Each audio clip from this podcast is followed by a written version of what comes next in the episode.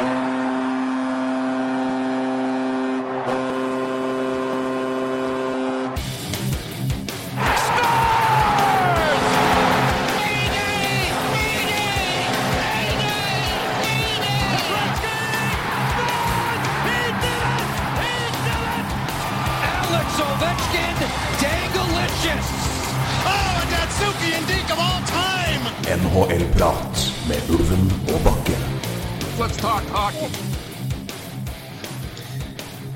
Vi er fanget uh, ikke mellom rock and the hard place, vi er fanget mellom draften og free agency. Et, uh, en sandwich eh, lite kan slå. Uh, noen alternativer finnes det, men det tar vi ikke her og nå. Det blir for drøyt. Men rett og slett en deilig tid er vel det vi kan si. Eller hva, Roy? Jo, det er jo det er helt nydelig. Men det, det skjer jo så mye, så det er jo um, Ja, det er nesten vanskelig å henge litt med for, um, for en stakkar som må jobbe litt òg.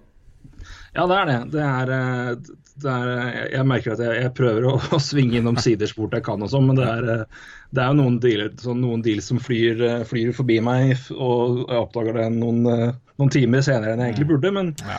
det, er, men det, det skjer veldig mye. Vegas er selvfølgelig en, en stor del av det. eh, Med tanke på alt rundt det, men også at eh, Også alt som skjedde før draften, under draften i det hele tatt. Vi skal selvfølgelig oppsummere alt det. Vi skal ta for oss trades, vi skal ta for oss draften, hva vi mener og hva vi sitter igjen med av inntrykk av forskjellige lag. Eh, Vi skal se litt framover mot eh, den kommende lørdagen som eh, vi alle gleder oss til. Vi spesielt. Da skal vi kjøre en, en livepodkast. Vi skal samles i Kongsberg Ja.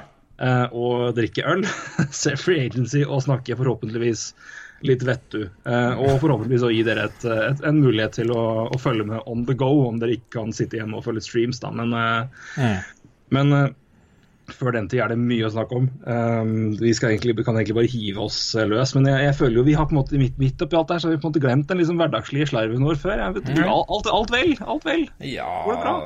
det gjør vel egentlig det. Det er jo det er snart ferietid, og det, det hjelper jo på humør og alt det, selvfølgelig. Det tar jo ferie på fredag, og da blir det fire og en halv uke deilig ferie. Um, Blant annet festival med deg og Ja, det blir jo en eh, Det blir jo en liten danmarkstur, da. Det blir jo først eh, familieferie, skal vi si det. Da ble det Danmark, det er klart. Eh, vi kunne jo ikke reise lenger da. Så. Nei, det er det er sånn der- greit valg sånn sett. Er det, er, er, det, er det besøk av kjent familie vi begge kjenner ned der, eller er det Nei, solotur? det, nei jeg skal, skal ikke besøke noen her, holdt jeg på å si. Eh, nei, jeg, jeg, det er familie, jeg og min familie. altså, Dere tre, altså? Ja, vi, vi tre. En stor, stor familie møter en annen stor familie. Nei, det er jo ikke det. Eh, min bror, min bror eh, sine to sønner og, eh, og kjæreste eh, møter oss i Danmark, og vi har leid et eh, jeg må si herskapelig flott sommerhus eh, i sør-vest-Danmark med basseng og god stemning. Så det, det, det er sånn, sånn må det være, da. Her ser jeg fram til gode snaps fra bassenget. Det, er, et- blir nydelig. Nei, det blir bra. Uh, så blir det litt Legoland. Da. Det er jo, jeg veit ikke om jeg gidder å ta med ungen min dit, men uh, jeg skal iallfall til Legoland. Kan jeg da bringe inn Jeg har vært i Legoland en gang som prøving, men kan jeg da fortelle om eh, en god historie fra København og Legoland? Eller nei, det var ikke Legoland, det var tivoli. Ja. Uh, var det. Det Men den er, den er, er så passende. Jeg syns den er fin. Jeg var eh, I 2006 var vel det her. Eh, det var eh, For de av dere som også følger eh, fotball, så var det året hvor Manchester United møtte FC København i gruppespillet Champions League. Og det måtte man jo prøve å få med seg. Jeg hev meg på og fikk faktisk billetter i, i bortesvingen til meg, min far og min bror. Mm. Min bror som jo alltid introduserer oss for hver podkast, det er jo hyggelig, det. Mm.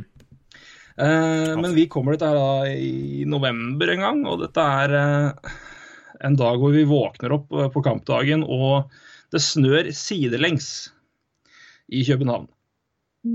Så det var med andre ord kjempevær. Eh, og Samtidig så var det her også rett før det skulle være flystreik. Eh, en mulig flystreik i SAS eller Norwegian, jeg husker ikke. Men, og jeg skulle hjem og ha framføring av tentamen på fredagen. Dette her var på onsdag.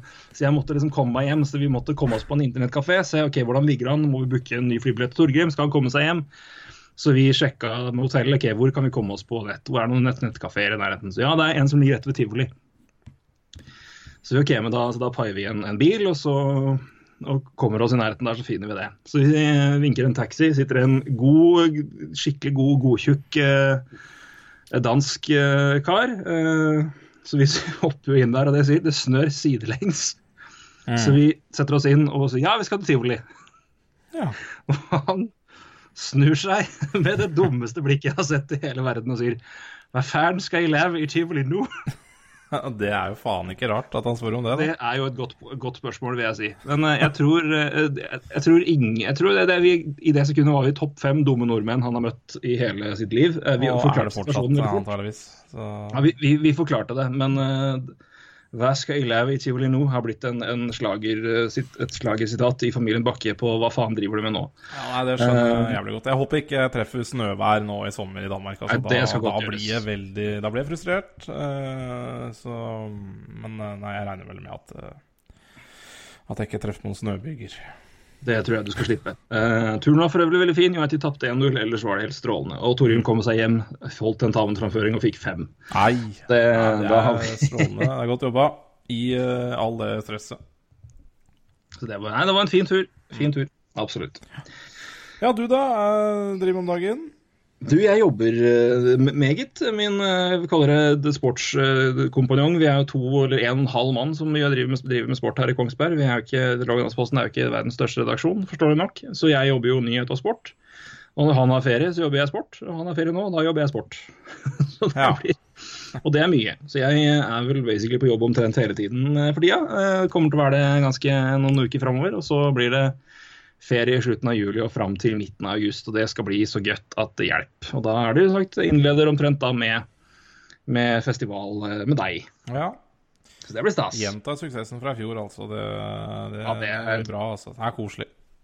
Jeg anbefaler det til, til flere av våre lyttere her. altså Trollrock, det er tipp topp. Ja, det er veldig jordnært og trivelig. Vi hadde tatt med podkast der i fjor, så vi, det, kan, det blir vel kanskje vår første podkast etter ferien eh, i år òg. Ja, det kan vi få se. Det, vi har jo noen, eh, har jo noen mulige gjester her, vet du. Ja, sånn, det er som vi får se. Så det er, det, det blir nok det er en fare for at det blir noe litt podkast podcast i, i sommer òg. Ja. Uh, og det er jo sikkert noen som vil glede seg over å kunne høre på på, uh, på dere, uh, strandsenger rundt om i eh, sydlige strøk. Det er rart de ikke er drittlei av å høre på oss nå siden oktober, men det, det, er jo, det er jo all ære til de som ikke er det, altså. Og lyttertallene viser jo faktisk at de ikke er lei heller, så det, det, går, bare, det går bra. Det, Ja, vi er veldig veldig fornøyd med det, selvfølgelig. Eh, og vi setter jo pris på det. Det er jo gøy, og, Ja. gøy at folk faktisk hører på det vi gjør, og det gjør dere jo. Eh, Og dere henger med i det hele tatt, melder inn, og engasjementet er der, og det gjør det jo. Ja, Det er det som gjør det så gøy å, å drive med dette her. Utover det å bare skravle piss om NHL, som jo er noe av det morsomste som fins, rett og slett. Eh, men nå skal vi skravle piss om noe som faktisk har skjedd, eh, ikke bare om hva vi skal framover og hva vi driver med. Eh, det har jo skjedd mye, vi kan egentlig bare hive oss på først. Vi tar det litt kronologisk. Vi eh, forlot eh, dere da det var gjort følgende trades. Det var Vi snakka om Everly, Strome, eh, Slemko og til Canadians osv. Så kom eh, Draft Day. Eh, Vi begynte jo eh, Vår første podkast noensinne var jo etter draften i 2015. Ja. Og da var det også et kjør av en annen verden i forkant. Det var jo uh, Milan Lucic, det var Robin Lenner, det var uh, ja, det- i hopetall, jeg husker jo ikke alt, men det var i hvert fall veldig mange trades i forkant. Doug Hamilton, ikke minst. Ja. Um, og det ramla inn i, i, i år òg, gitt. Eh, eh, kanskje like overraskende, om ikke mer, noen av avtalene. Vi begynner med den første. Eh, vi kan egentlig ta litt. Jeg kan egentlig, vi kan egentlig ta Blackhawks uh, samla først, for det tror jeg er uh, Det passer ganske bra kronologisk også. Uh, første som jo begynte å, å, å, å melde seg, var jo Hjalmarsson til Coyotes. Eh, og det skjedde jo. Uh, Niklas Hjalmarsson uh, med sin toårkontrakt på fire millioner dollar i cap hit, altså, til Arizona. I retur til Chicago, uh, Laurent Dauphin, en forward, AHL-forward, center er det vel, med en helt OK poengproduksjon der, så vidt jeg vet. Du kan jo dobbeltsjekke det hvis du vil. ja, jeg kan godt gjøre det. Og så uh, i tillegg da det kanskje den hoved, hoveddelen av avtalen her, det er Conor Murphy uh, i retur. Uh, Conor Murphy, eh, 24 år, Beck, signert til eh, 3,85 i cap hit i de neste fem sesongene. Så ikke noen kjempesavings for Blackhawks sin del. Det var kanskje litt overraskende når vi ser på avtalene samla hvor lite de faktisk sparte i capspace. For det var vel noe av det man trodde skulle være litt eh, Blackhawks sin plan. Men eh, nok om det for nå. Men vi kan jo, hvis vi ser på det som en ren eh, deal her uh, Hjalmarsson til Arizona. Vi skal jo se litt samla på Arizona etterpå. men hva syns du om den dealen der? Ja, For Blackhawks sin del, ikke for Arizona sin del? Vi kan ta, kan ta Blackhawks først, da. samle det der. Nei, det er, den, er litt, den er litt merkelig for, for Blackhawks sin del. Altså, jeg syns det. Um, jeg har veldig veldig sansen for Hjalmarsson. Um, og 4,1 millioner i to år til, det er jo uh, Ja, det er 4,1 kanskje? 4,1 er det vel. Uh, 4,1, sorry. Uh, så det er jo um, Han er ikke noe dyr. Ja, 4,1, helt riktig. Du har helt rett. Det var 4,1, ikke 4, som jeg sa. Nei, ja. Um, så jeg sliter litt med å forstå den fra Blackhawks sin del, da, hvis de skal Altså, de, de blei jo dårligere i traden, uh, det er ingen tvil om det. Colin Murphy selvfølgelig litt yngre, men uh, ja uh, Jeg har for så vidt hatt sans for Colin Murphy, jeg, men det er på, på et Altså ikke på et Det er på et Coyotes-lag, og ikke på et Blackhawks-lag som skal kjempe om edelmetall. så det Jeg forstår ikke den traden veldig godt, men ja, hva er dine tanker? Nei, jeg er helt enig med deg. Jeg syns det, det, er veldig rart. Eh, jeg syns jo det er åpenbart hvem som får den beste spilleren. Eh, jeg syns det er veldig veldig merkelig også med tanke på Hjalmarsson sin avtale og, og hvor eh, kaller det ikke, ikke, ung, men lite gammel han er relativt sett. Han er 30. Mm, ja. Signert to år til, vil være 32 da, og da har han mulighet til å signere altså, Han vil nok være Arizona-spiller lenger enn de to årene, tror jeg. Uh, ja, Hvis han vil bli værende, selvfølgelig. Men ja, hvis han vil bli det, men det kommer jo. Men jeg tror jo at i løpet av to år så vil det skje ganske mye ålreit i Arizona. Eh, jeg tror utviklinga kommer til å være ganske bra der de to år framover, og det, han vil jo være med der. Um, det er en åpenbar, åpenbar deal for å gi en, en eh, top pairing eh, D-man til Ekman Larsson. De har spilt sammen for Sverige. Ja. Kjenner hverandre godt. Um, Hjalmarsson er en av de beste i diskusjonen av uh, Si, den, den, posisjonen som Anton Strålmann har hatt, som, som eh, altså, hva gjelder å defensivt, fundamentalt ekstremt dyktig back, som ikke får så mye heder og ære fordi han er en ganske anonym ja, eller Mark Eduard altså, Vlasic også er jo et kjempeeksempel. Vlasic er altså sånn, de to, samme type back. Han ja, jeg liker, nei, jeg liker Jannesson veldig godt, og til den cap-hiten også. Så er det noe med det, det, er litt rart da, at Blackhawks gjør seg dårligere, egentlig, i den traden. Men mm. Jeg synes også det, det, er bra for Arizona, for det vil gi Ekman Larsson mye mer friere rolle. Ikke at han er noe, noe svakt defensivt og noe liability der, men det er klart når du har de, de to sammen, hvis, når de blir et par, da, så har du Ekman Larsson som åpenbart får en mye mer klarere den, den av de som skal drive spillet. Mm. Um, og han vil vel i mye mindre grad slippe å være bekymra for, for at Hjalmarsson skal si, demme opp bakover. Ja. Uh, han må jo selvfølgelig hjelpe til, det, det er to om å forsvare seg i, i bak der. men for min del, på papiret, så er det en matchup som er helt ypperlig. Eh, så jeg syns det er en eh, klar forbedring for Arizona defensivt. Og som du sier, det er en, og det er en avtale som også er merkelig lite Det gir lite effekt på capen noen vei, og det er egentlig ganske rart. I hvert fall når man tenker på hva Blackhawks kanskje hadde behov for. da. Mm. Men, eh, men, det er åpenbart at Hjalmarsson har, har, har, et, altså han har jo en no movement-klausul, han har en modified no trade clause. og jo, han, har jo, han, har jo, gitt godkjent for dette her. og jeg tror eh, ja. eh, Ekman Larsson er vel en, eh, ja. den fremste årsaken til det. Selvfølgelig. Vil jeg si. Det, men det sier også litt da om at kanskje Hjalmarsson ser litt hvor pila peker begge veier, rett og slett. Mm. Uten å være noen psykolog på, på vegne av han, men det, hadde han sett at det her ikke hadde noe framtid i det hele tatt, så vet jeg ikke om han hadde gjort det. Men uh, ja. jeg syns det er en veldig, veldig spennende deal for, uh, for Arizonas en del. Og det blir uh, jeg, jeg, er mildt sagt spent på å se hvordan Conor Murphy gjør det i Chicago. Um, ja. Så jeg, jeg, jeg syns ikke den gir så mye mening for Chicago sin del. Det er en, en, avtale som har vært omtrent akkurat det samme, men som er fem år lengre. Ja, ja Conor Murphy er yngre. Ja. eh, og har en, en, en, en bra framtid, han. Men uh, det, Jeg synes hva jo jeg- Capitals- fleksibilitet- fleks- Capit hans er egentlig er ålreit også på, på Conor Murphy, men uh, Ja, det er helt enig men det er jo fleksibiliteten i det som jeg syns er Ja, sånn det, det, er, det, det, gir, sagt, det gir kanskje ikke helt mening for et lag som Altså, de trader seg basic kanskje ned i kvalitet, da, vil jeg påstå. Men ja. Det, det kan jo ligge så mye Det kan ligge så mangt bak den en trade, eh, så um, hmm.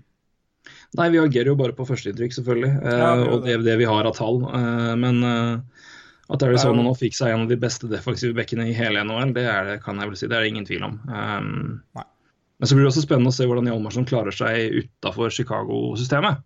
Det må vi også si. Men jeg tror jeg eh, er såpass eh, Jeg har såpass tro på den mannen i det hele tatt at jeg tror det skal gå ganske fint. Ja. Nei, men det, Eh, men eh, det var jo den ene som, eh, som var litt rar. Eh, så, så, sånn sett så kom det en som var enda merkeligere, i hvert fall med første øyekast. Eh, Brandon sa der igjen Chicago Blackhawks-spiller. Mm.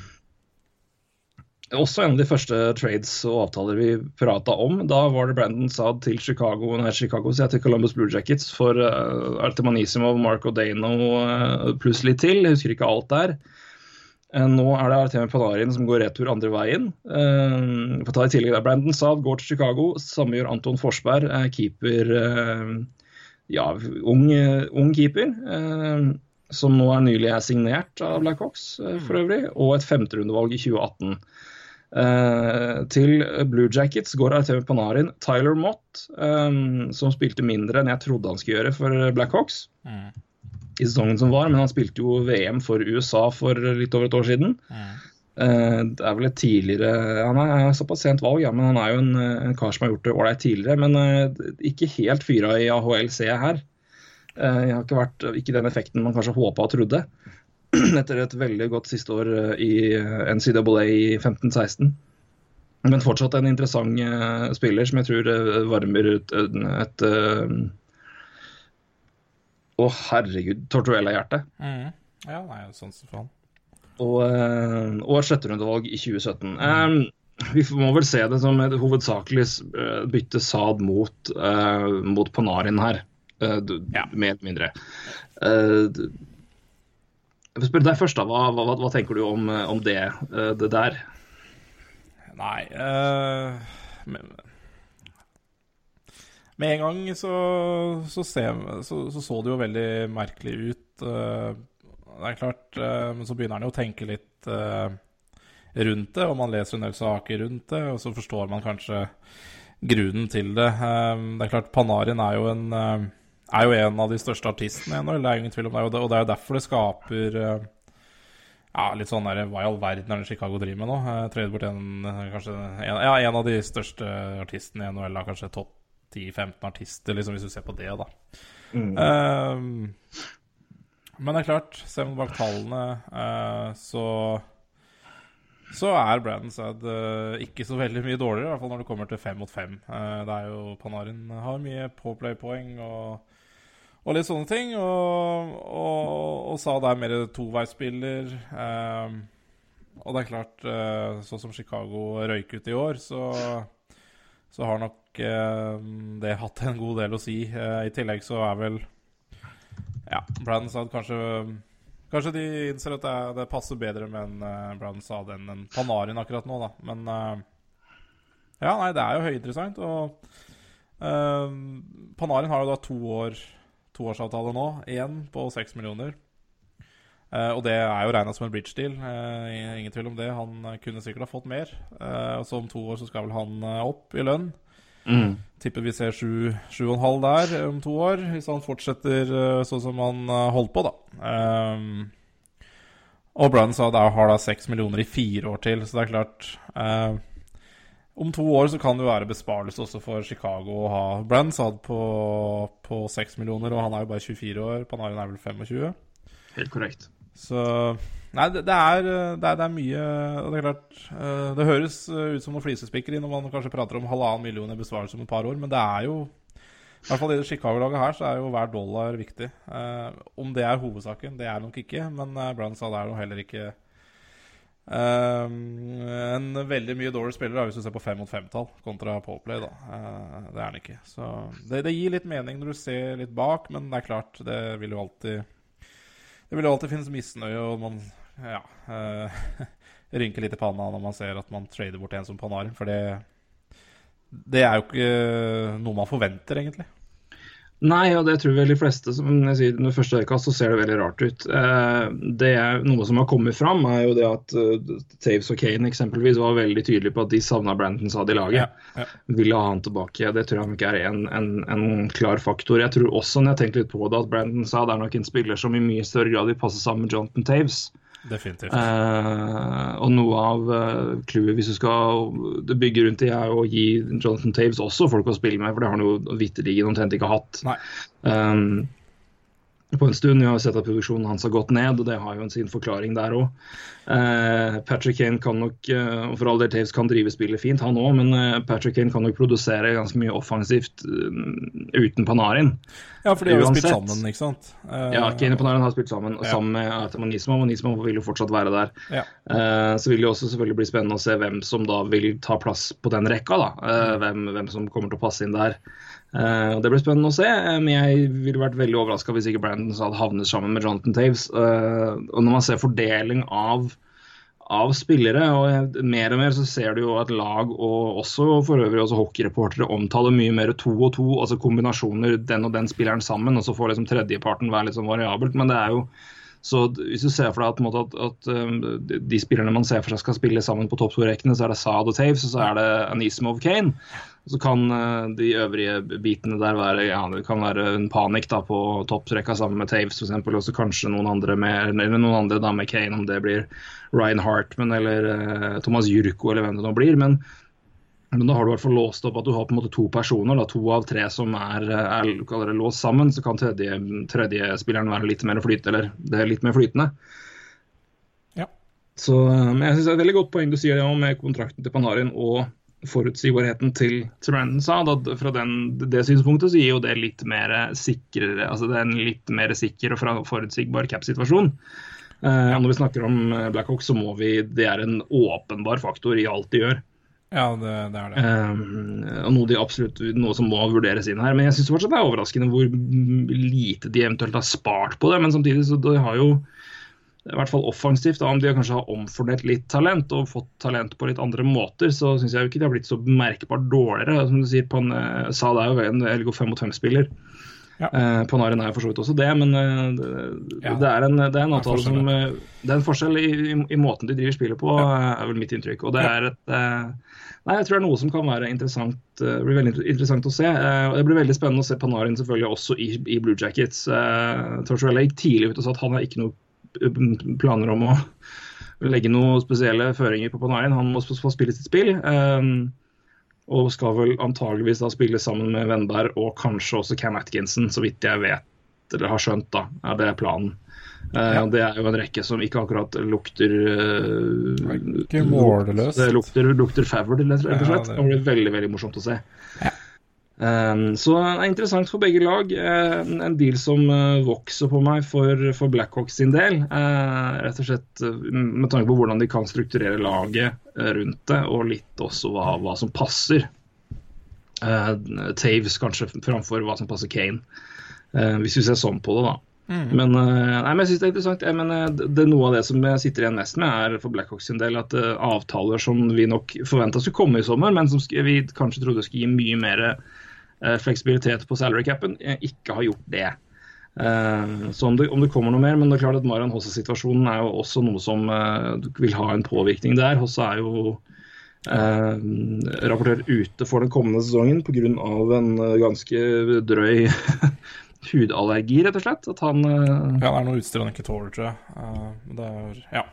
Spilt, spilt, på medisiner, og medisineringa har vært såpass tung at legen ikke tør å medisinere en uh, lenger for, under, altså, mens han spiller. Så han må rett og slett i hvert fall ta det neste året ja. uh, uh, fri, da. han er stempla som skadet spiller, ikke, ikke spiller tilgjengelig neste sesong.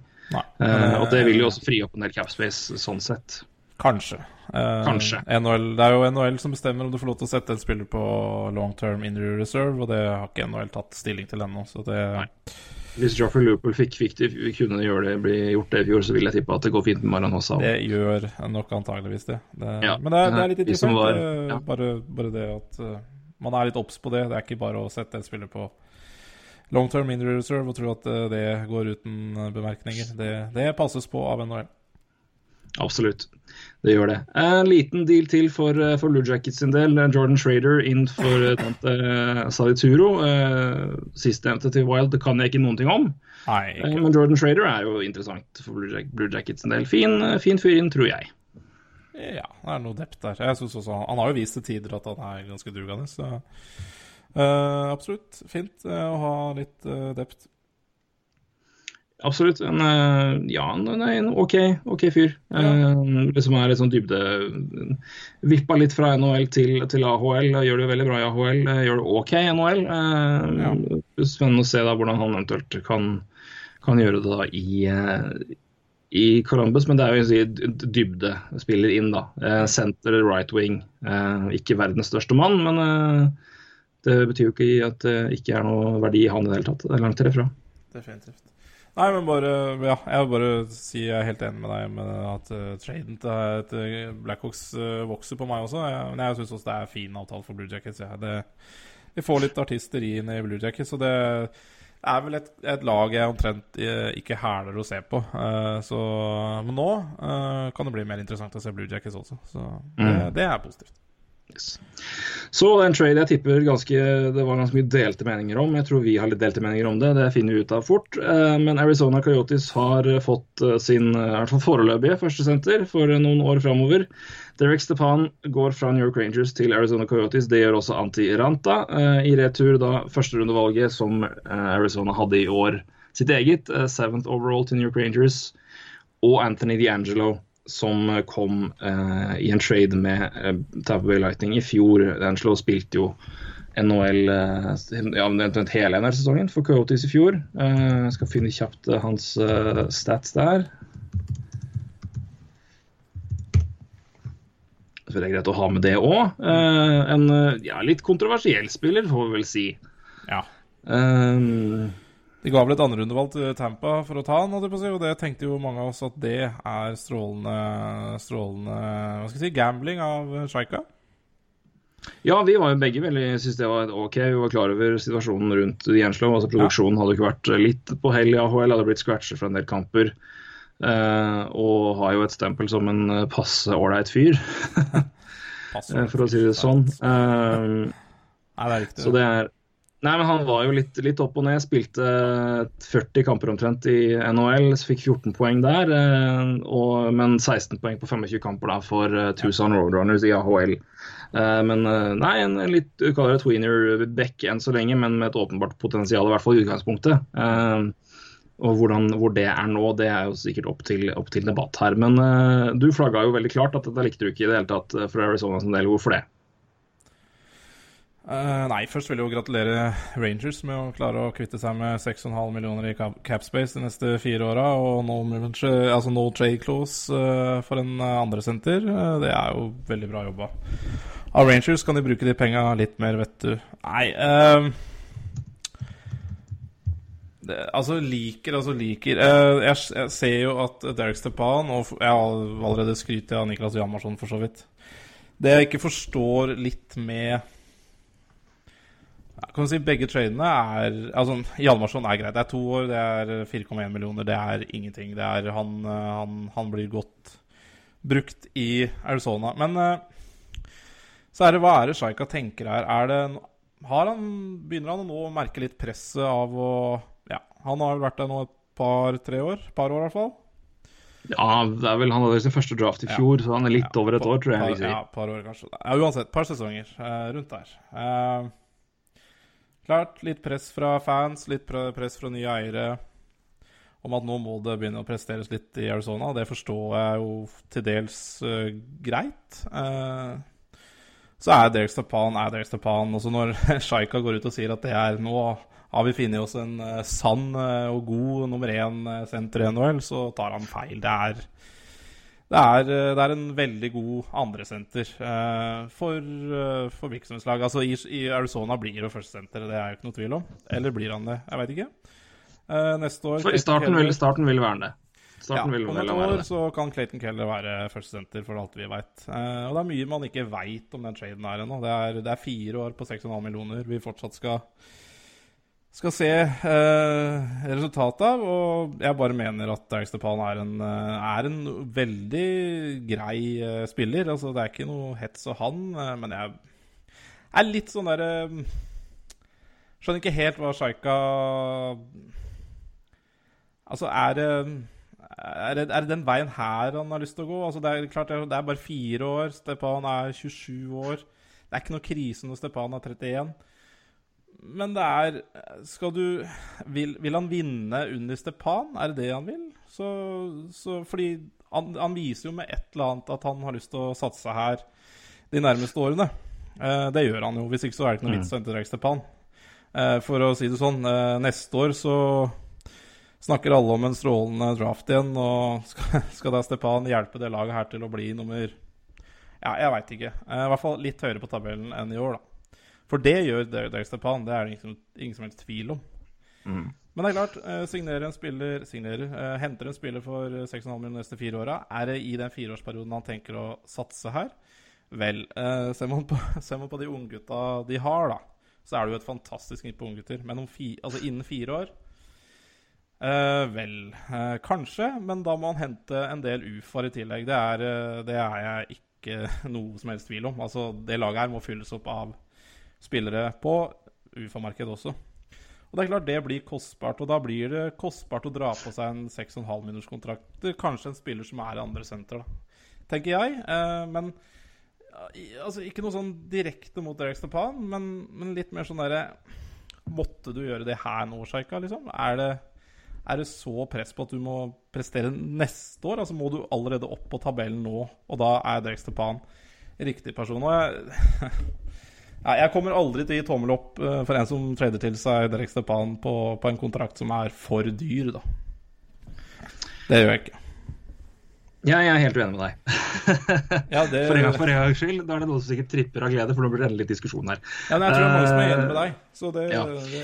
Jeg, hvis vi tar utgangspunkt i det som veldig mange nå ser på som måten å gjøre det på, er jo det Jeg hører veldig mye det når jeg følger Flyers nå, er jo selvfølgelig Toronto sin, eh, sin modell fra kaller det året før, eh, altså for to år siden. da. Ja. Toronto tok mange billige ettårsavtaler, eh, henta inn spillere, trada vekk de. Eh, ble sist i NHL, eh, men hadde et, et decent OK lag på papiret. Men igjen, det, det ble skader, og så tenka de fryktelig og, ble, og fikk Austin Matthews eh, gjennom lotteriet og i draften. Ja. Eh, lot noen unggutter komme inn og spille i forkant året før, og så så vi hva som skjedde i fjor. Det var en fantastisk fantastisk sesong for både Nylander, Marner og, eh, og Matthews. Uh, Zach Hyman, Connor Brown skal vi glemme, Zaitsev vi kan nevne i fleng.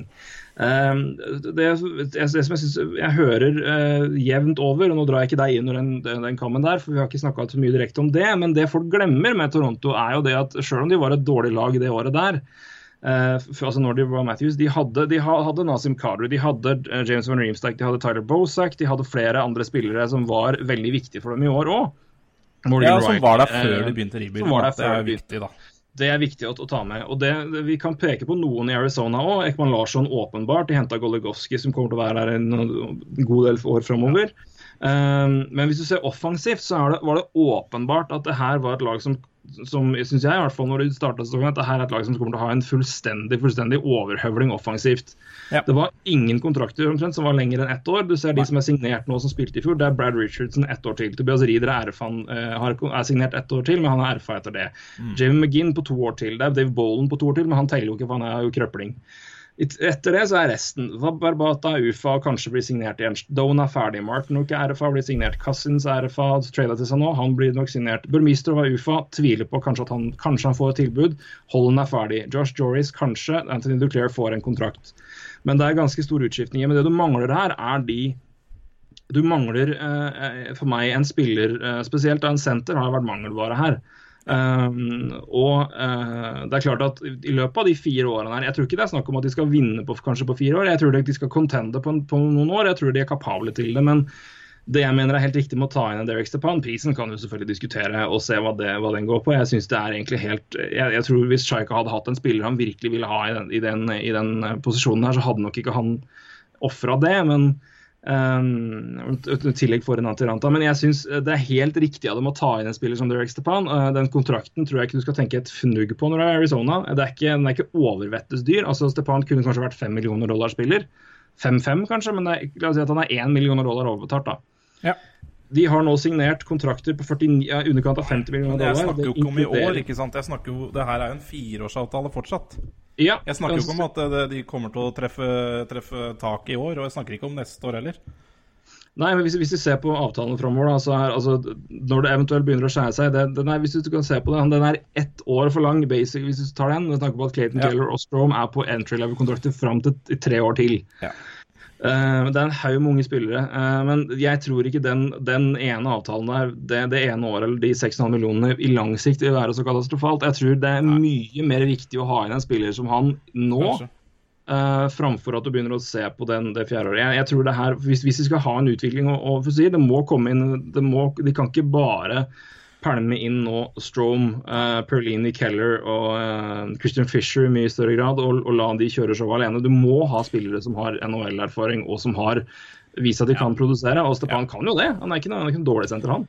Nei, nei, nei. men, men han, han er for meg sier, altså, han er ikke noe ren førstesenter, men jeg syns han er en sånn tweener-senter. Han er en førstesenter i en klubb som altså i en, i en Ja, i en et dårlig lag så vil det er være det Det er korrekt. Ikke en contender, men et dårlig lag. Det er riktig. Så jeg syns det er en, eh, en avtale som gir Jeg syns det, gir mye- mye mer mening for Arizona enn det ville gjort for et annet lag da, i den situasjonen de er nå. Jeg syns også det at de får inn Antiranta på ett år på én million, at han kan Da har de et testår på han. Ja. De har ikke bindet seg opp til en lang avtale, og det er for min del, det for min del mye mer relevant med tanke på når det laget her skal vinne, enn at de skulle f.eks. fått en keeper av Hvis de skulle for trade til seg Mark André Fleury, da, f.eks. Eller at de skulle signert Steve Mason til tre år på fire mil, eller, eller noe sånt. At de har en, en stopgap nå i Ranta. Han har vist at han er fryktelig kapabel til å spille bra, Ja. men så er det mengden. Um, så jeg syns det er helt, helt i orden. Så um, jeg syns det her gir mening ut ifra hva det laget her trenger for å bygge opp de unge gutta. De må ha spillere rundt seg, og jeg tror uh, jeg, jeg tror de kunne gjort det fryktelig mye dårligere enn Derek Stepan med tanke på hva som er tilgjengelig. og Jeg, jeg, jeg tror det her kan være på, på sikt, og jeg, Ja. så er det helt i orden, tror jeg. Jeg, tror jeg skjønner hva du mener med, med, med lønnen hans over lang tid, men jeg ser ikke på en måte den cap crunchen kommer til å komme.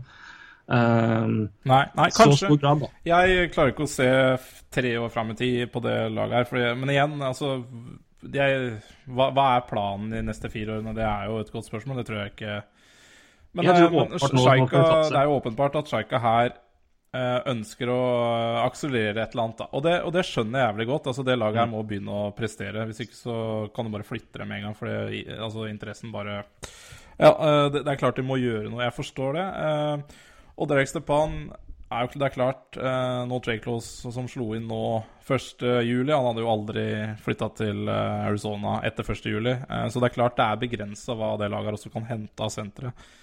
Um, helt klart. Um, det er klart De henta Niklas Hjalmarsson uh, med, med en uh, modified no trade close, men der tror jeg du treffer blink med Oliver Ekman Larsson av en grunn, og, og litt sånne ting. Så Nei, jeg bare Det er, ikke, det er, ikke, det er, ikke, det er egentlig ikke hån mot Erik Stepan uh, eh, eller noen ting. Det er bare Jeg kommer aldri til å gi tommel opp uh, til, en, uh, til en sånn trade. Men jeg, for, jeg forstår jo at de trenger gode hockeyspillere i Arizona, òg. det, det er ikke vanskelig å forstå det. Jeg bare jeg, jeg, jeg skjønner hva du mener, men jeg tror at hvis du ser på Hvis du sitter og ser på Cap Friendly-lista hvis det er lov å si. Ja, men jeg, jeg, men jeg skjønner liksom ikke helt hva annet han skal gjøre. For altså, På et tidspunkt så må han begynne å hente spillere, han òg. Han må ta det inn. Jeg vet Ja, ja. ikke om det er Og, og jeg, jeg, sier, jeg tror ikke hvis du skal, jeg, tror ikke det er noe Jeg ser ikke at det er noe problem på lang sikt. fordi, altså Du vet ikke hva som skjer, men det er samtidig uh, Stepan er én av to spillere som er signert lengst i klubben. Ja. Det er fire år. Det vil si at det er, ganske, det, det er, ikke, noe, altså, det er ikke noe klar indikasjon om at her blir det en crunch. Det, og det er, det er spillere som kommer til å ta bridge-avtaler. det er spillere som kommer til å, jeg, jeg, jeg tror ikke Arizona kommer til å havne i en situasjon hvor de er fucked fordi de ikke har Nei, det, Fordi det spørs hva som er målet deres de neste fire årene. Fordi det er klart, altså de, det, det, er, det er mye talenter i Arizona. Det er det jo ingen som helst tvil om. Det er haug av talenter. Eh, ja. Uh, tallene viser jo at det er ikke alle talenter som slår igjennom. Så det er klart Det blir ikke, det blir ikke NHL-spiller av hva, hvilke som helst draftpick som har blitt skjedd i Arizona. Det skjer ikke, selv om vi ser på det som store talenter. Så er det ikke sikkert de blir fantastiske NHL-spillere. Selv om man ser tendens til det. Så det er klart, altså Noen vil jo frafalle av de store talentene. Ikke Dylan Strom og, og Clayton Keller, selvfølgelig. eh, For det er eh, det, de gutta der eh, tror jeg har ganske bra eh, Ja, der, der tror jeg det, Der skal du gjøre mye gærent for å, for, for å rote det til, da, mener jeg. Men det er, det er andre talenter der som vi har prata varmt om, som, som ligger litt i mellomsjiktet for altså, som, altså, Noen vil jo falle fra, og hvis det laget her skal gjøre de neste fire-fem årene, så er det klart de må på UFA-markedet. Og det er klart da Det laget her er jo selvfølgelig et um, Er jo selvfølgelig et um, eh, Altså et cap-lag. Altså det kommer, de vil nok ikke eh, presse seg opp mot, eh, mot eh, taket, de. eh, for det er begrensa hvor mye det laget tjener penger. Um, så det her vil jo være penge telle. Men som sagt, jeg, jeg, jeg, jeg skyter ikke Stepan. Jeg syns han er en helt OK hockeyspiller. Eller han er en veldig, han er en veldig god hockeyspiller. Jeg skal innrømme det. Men jeg bare syns det er litt det, Jeg merka jeg trodde jeg hadde litt andre tanker om Sjaika. Men det er klart du sier altså Vi har jo, vi snakker jo her, og vi sier jo det er klart det er ikke så mange andre valg. Og, og det er jo sant, og jeg er helt enig. De har trengt en senter, de trengt en leder. eh, offensivt eh, ja, Altså, som har vært der før I senter, da. ja. Plassen, tenker jeg da. Eh, for det er klart de har hatt andre ledere. Men eh, Ja, og jeg, jeg tror, og du prater om Clayton Keller. Jeg tror førstesenteren til Arizona om noen år er Dylan Strom. Jeg tror ikke Clayton Keller kommer til å være senter i NHL.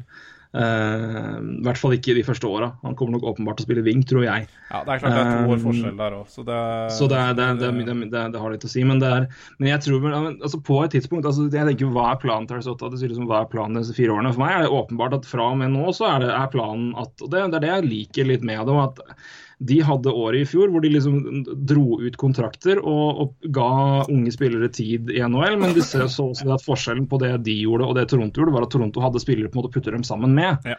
Eh, Du hadde eh, også en helt annen situasjon eh. Jeg synes det er en annen situasjon som er mye mer, mye mer tvilsom rundt Arizona nå enn det, det situasjonen her, enn, altså den det. Og det er jo hvem i all verden er det som skal trene laget, styre laget og i det hele tatt. Det er basically Shaika er der, og ingen andre. Eh, det Nei, blir ganske spennende å se på. Det var klart overraskende det også, når de sparka Sparka, eller ikke forlenga, jeg vet ikke. Eh, det tippet. Mm. Så klart eh, Men eh, ja.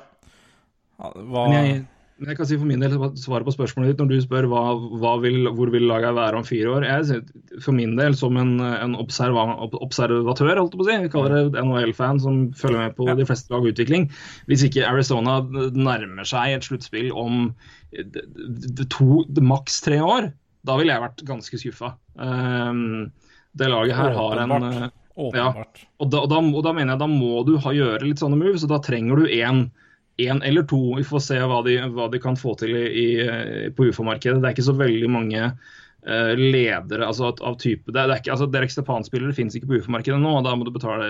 Men Nei. jeg tror ikke de trenger det heller. Jeg tror Derek Stepan er den de trengte i den posisjonen. altså En type som han. Så Ja. tror jeg de kan fylle på med et par andre veteraner i tillegg. Eh, men det er klart at en, hvis du ser på de øvrige de kan spre unggutta godt her. altså Clayton Keller kommer kanskje til å spille NHL neste år. Max Domi er forhåpentligvis helt frisk. Dylan Strom bør ta steget opp. Det regner jeg med han kommer til å gjøre. Eh, Perlini spilte en del i år, han kan fortsette. Dvorak gjorde det samme. Christian Fisher tror jeg vi kommer til å se mye mer regelmessig. Tror vi. Eh, tror vi. Jeg, jeg, jeg vil tro det. Han, han kom opp og gjorde det ok når han hadde muligheten i fjor, og gjorde det veldig bra i AHL. Mulig han får et år til, men igjen, de har ikke dårlig tid med de gutta der. Men poenget, de har, altså, vi vet ikke om alle slår til, men de har nok av talenter til å slippe en del til i NHL. La en del modne i AHL. Men da må du ha, etter, min, etter mitt syn i hvert fall, en en senter à la Stepan som kan dra, ta førsterollen enn så lenge, og så kan Strom eventuelt da gå opp og igjen. Derek Stepan som andre senter? Ja takk. Eh, er, det, er han da litt dyr som andre senter? Ja, han er det. Men han er ikke Stasny-dyr eller kri... Altså, men, men da er han det si overdyr i ett eller to år, da. Ja. Nei, blir, det er klart, eh, man blir jo litt blenda av uh, hva, hva, han er i Rangers òg, da. Eller hva han har vært i en contender. Altså altfor dyr. Uh, uh, så det er klart man blir sikkert blenda av det òg. Men, men, det er egentlig ikke Ja, det er, det er, ikke noe big deal for meg. Jeg bare Nei, men Det er interessant, for det er, det er, jo, en, det er jo en, debatt på når man ser på et lag som Arizona. altså hva, hva er på en måte, altså Ja, de har, gjort, de har gjort sin jobb med å hente inn trekk, de har drafta ja. smart, de har drafta bra. Men hva, hva, skal de gjøre når de skal gå videre? Og Det er et veldig komplisert og, og vanskelig spørsmål. Og, ja, for det det er, jo dritlett å drive en rebuild. Altså, å vrake et lag er jo kjempeenkelt. Å plukke fra mm. et lag er jo kjempeenkelt. Det er å bygge lag som er vanskelig. Så det er jo, det er, det er nå Sjaika får vise seg. Da har jeg Um, ja, nei, Hjalmarsson uh, blir jo fin, han. Det er jo Det er bare to år, 4,1 millioner, og det er klart han kan jo også sikkert selge på deadline day neste år for en haug. Så ja, det er greit. Og... Hvis de ikke kommer fram til en ok deal med han og vil ha han videre. Jeg tror Han kan du fint signere en to-tre år til uten at det er noe problem, i den, i den, rollen han spiller. Jeg tror ikke han uh... Ja, igjen, altså, da bruker du jo ja. Nei, vi får se om to år. Altså, det, det, er, det, er, det, som er vanskelig i det, mm. i det, her. Altså, hvor er de lagene her om bare, Det er bare om et år, det, så ser jo nesten ja. samtlige lag kan se ganske mye annerledes ut. Og, mm. Men jeg sier, men jeg, jeg sier igjen, er bare 30, altså. Og det er ikke, ja. vi, vi, skriver fort av spillere når de er 32 nå. Jeg synes det er, det er litt feil. Uh, altså, vi, skrive... de, de, blir fortere gamle, de blir, fortere gamle enn de egentlig er, tror jeg. I hvert fall en del. Ja, det er uh, riktig. Altså Én ting er jo hva skal jeg si, avskrive dem, men, men det er klart om to år da skal Ekman Larsson ha ny kontrakt. Og du har fortsatt uh, Goligoski på nesten 5,5. Og og det er klart det er begrenset hvor mange dyre de kan ha her om tre år, da. I hvert fall mm. når du da bruker ja, 6,5 på Derek Stepan. Det er mitt poeng, egentlig. Mm. Ja da, altså, jeg ser, altså, jeg sier, I øvrig, øvrig, behov av hva de skal betale ut av kontrakter, så er ikke, tror jeg ikke det vil være noe problem da. Det er ganske mange som skal ha, men, selv om, men gjennom to år så er det flere av RFA-ene her som skal ha nye avtaler òg. Ja, nei, men det blir spennende. Da er det heldigvis kvitt Dave Bollen, da. Ja da, men det, han er jo kvitt uansett på ja, long injury reserve. Så de har jo altså, egentlig har de jo under, under 45 millioner dollar nå. Ja. Uh, og igjen, Hvis du ser på avtalene og ser på kontraktene framover, så er det et lag med fryktelig mye fleksibilitet. Sjaika kan styre og gjøre ganske mye her, for han har, han har brukt han, han har vært tålmodig på å la noen, altså la noen unggutter bli et år eldre og få det året de kanskje trengte ekstra. Og så har han også da fått tømt ut en del spillere som ikke nødvendigvis skal være med lenger. Uh, Shane Doan eksempelvis. Uh, og så er det andre kontrakter som kommer til å gå vekk. Så det blir veldig spennende å følge med på Arizona. Men uh, for min del i hvert fall, jeg syns, jeg syns det. og det, men det, jeg syns det var de, de, de, måtte gjøre noe sånt nå. Og jeg tror vel at det er klart at det, det, er, det, er, veldig rart å se det sjuende valget. Uh, og Det er klart at det, det, var, det, var, en god spiller som gikk der til, eh, til Rangers, det er det ingen tvil om.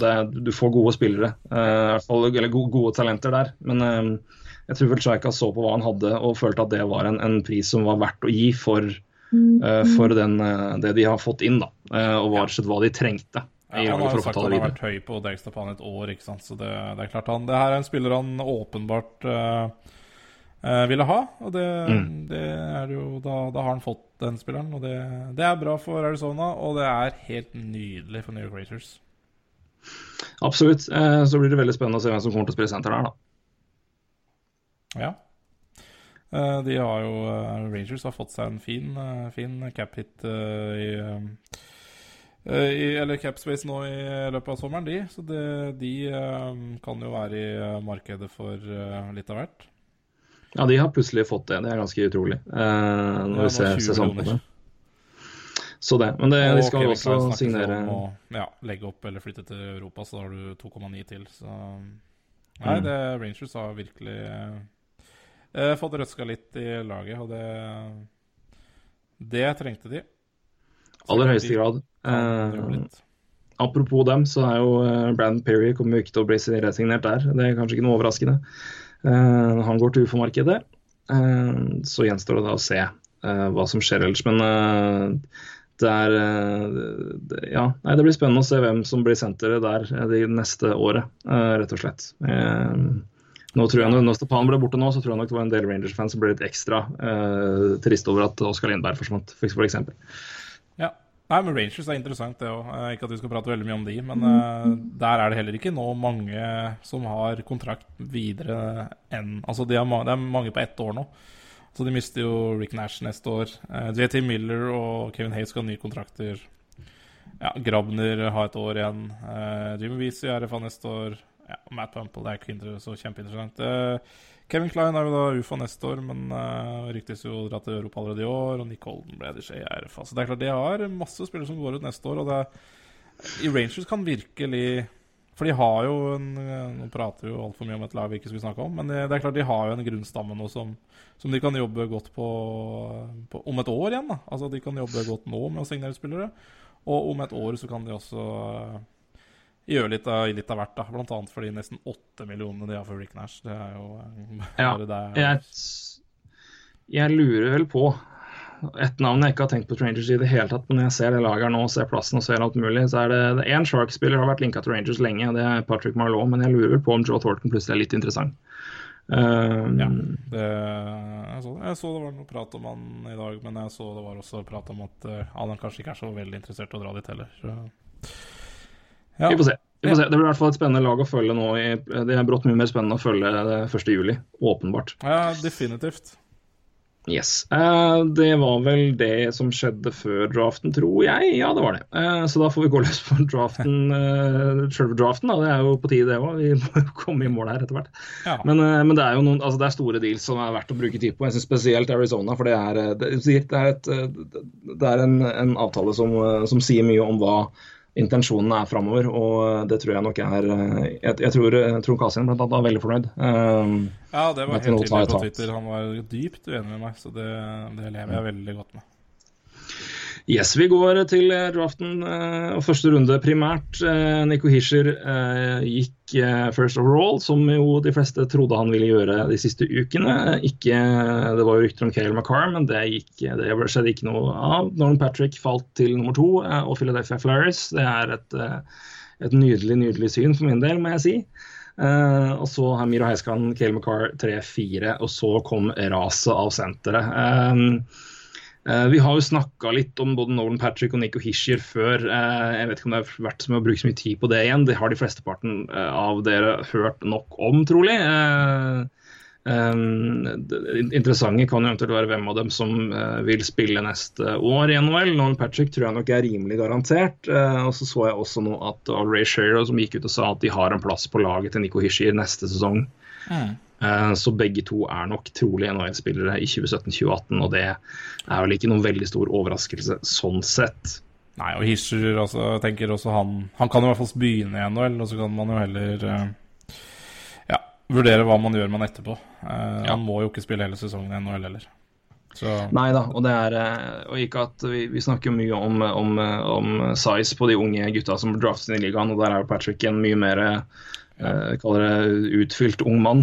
Han skal, skal nok fortsatt bygge litt mer muskler, og, og han er fortsatt en 18 år gammel spiller som skal fylle ut den kroppen mer enn det han har gjort. Men Hischer er eh, mindre utvikla sånn sett da enn det Patrick er. Eh, så derfor er det kanskje litt mer spørsmålstegn rundt han, men jeg ville være overraska hvis ikke Nico Hischer spiller eh, i Devils i, i oktober, i hvert fall. Det tror jeg er veldig veldig overraskende. Eh, ja, jeg tror ikke vi skal begynne å summe gjennom alle her uh, og begynne å ta runde spiller for spiller, altså hvem hvor de har gått. Det, det flesteparten har vel også fått med seg det, sett hvem som har gått til hvilke lag. Men det er noen, eh, noen stories uh, underveis og noen, noen trades som vi også må, må ta for oss. Men uh, hvis, vi, hvis vi skal si noen, noe som har utmerka seg, noen lag eller noen ting. Jeg kan jo begynne å sende første ballen til deg. da. Hva, hva tenker du da? Nei, jeg skrev jo ganske fort uh, når uh, draften var ferdig at Vegas har gjort en kjempedraft, og det er jo spesielt med de ja, tre førsterundevalgene de hadde. Uh, Cody Glass uh, nummer seks er jo eh, er jo meget bra. Han, det er mange som hadde han både fire og fem også, så, så der har de fått eh, verdi, definitivt. Nick Suzuki er jo Ja, Nick Suzuki nummer tolv. Var vel til og med. 13, ja. Var vel forventa rundt der, eh, men har jo en upside som Ja. Han er eh, Det er, det er en strålende Det blir en strålende ishockeyspiller, for å si det sånn, da. Eh, Ja. Jeg som tippa vel litt at hadde han vært Hvis, hvis Arizona hadde beholdt 700-valget, så har jeg tippa Nick Suzuki dit. Eh, eh, Ja. Litt Clayton Keller-vibes, ikke for å sammenligne det type, men litt av den samme type Det er, mye skill i, i liten fyr. Eh, Men, Men, men eh, jeg et syns det gikk mye spennende der uansett, ja. Det er, det, det, Ja da, så vi ser det mer og mer. Ja.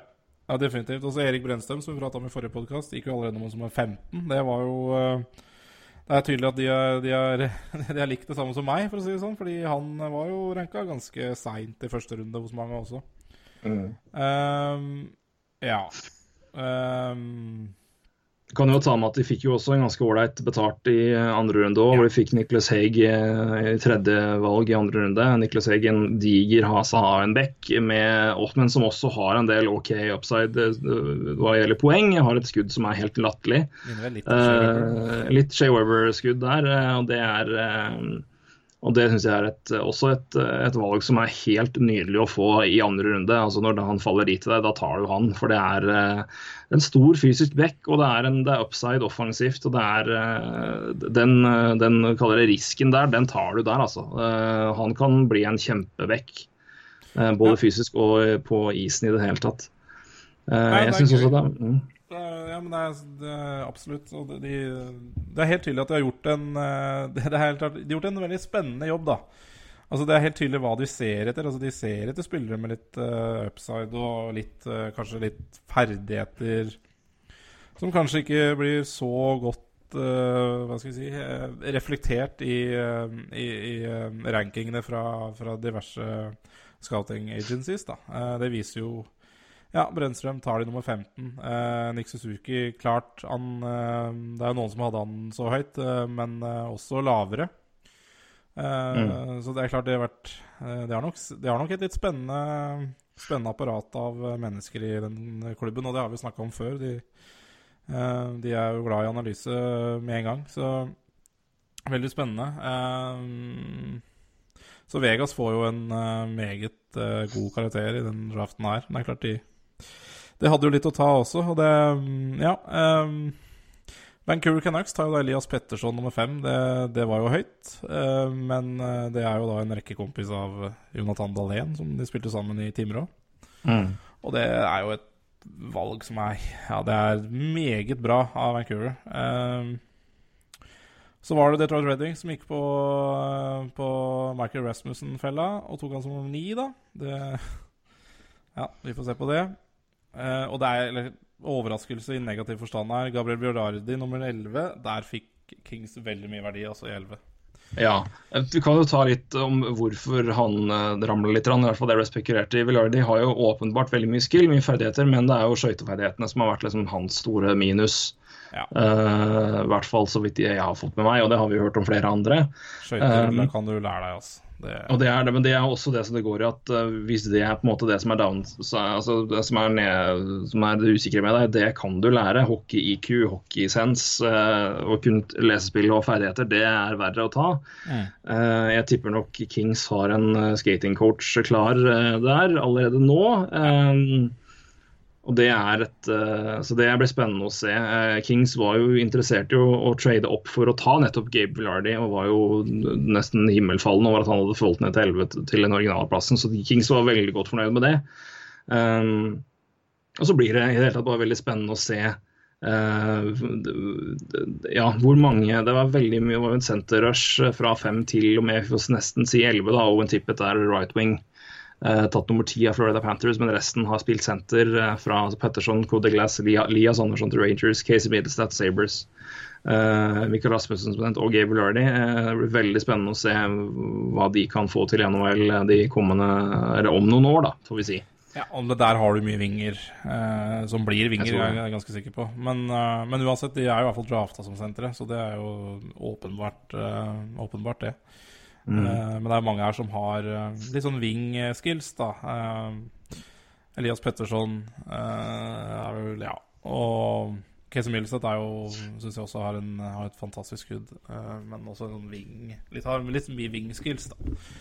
Um, ja Nei, det, det var høyinteressant. Uh, ja, vi, vi var én litt skuffa, skuffa Hva skal jeg si En som har gått litt lavere enn jeg trodde. Vi lar det der. Og så tar jo, tar jo Toronto Maple Leafs tar Timothy Lillegren nummer 17, og det er jo Ja, Det tror jeg kan bli draftens stil, altså.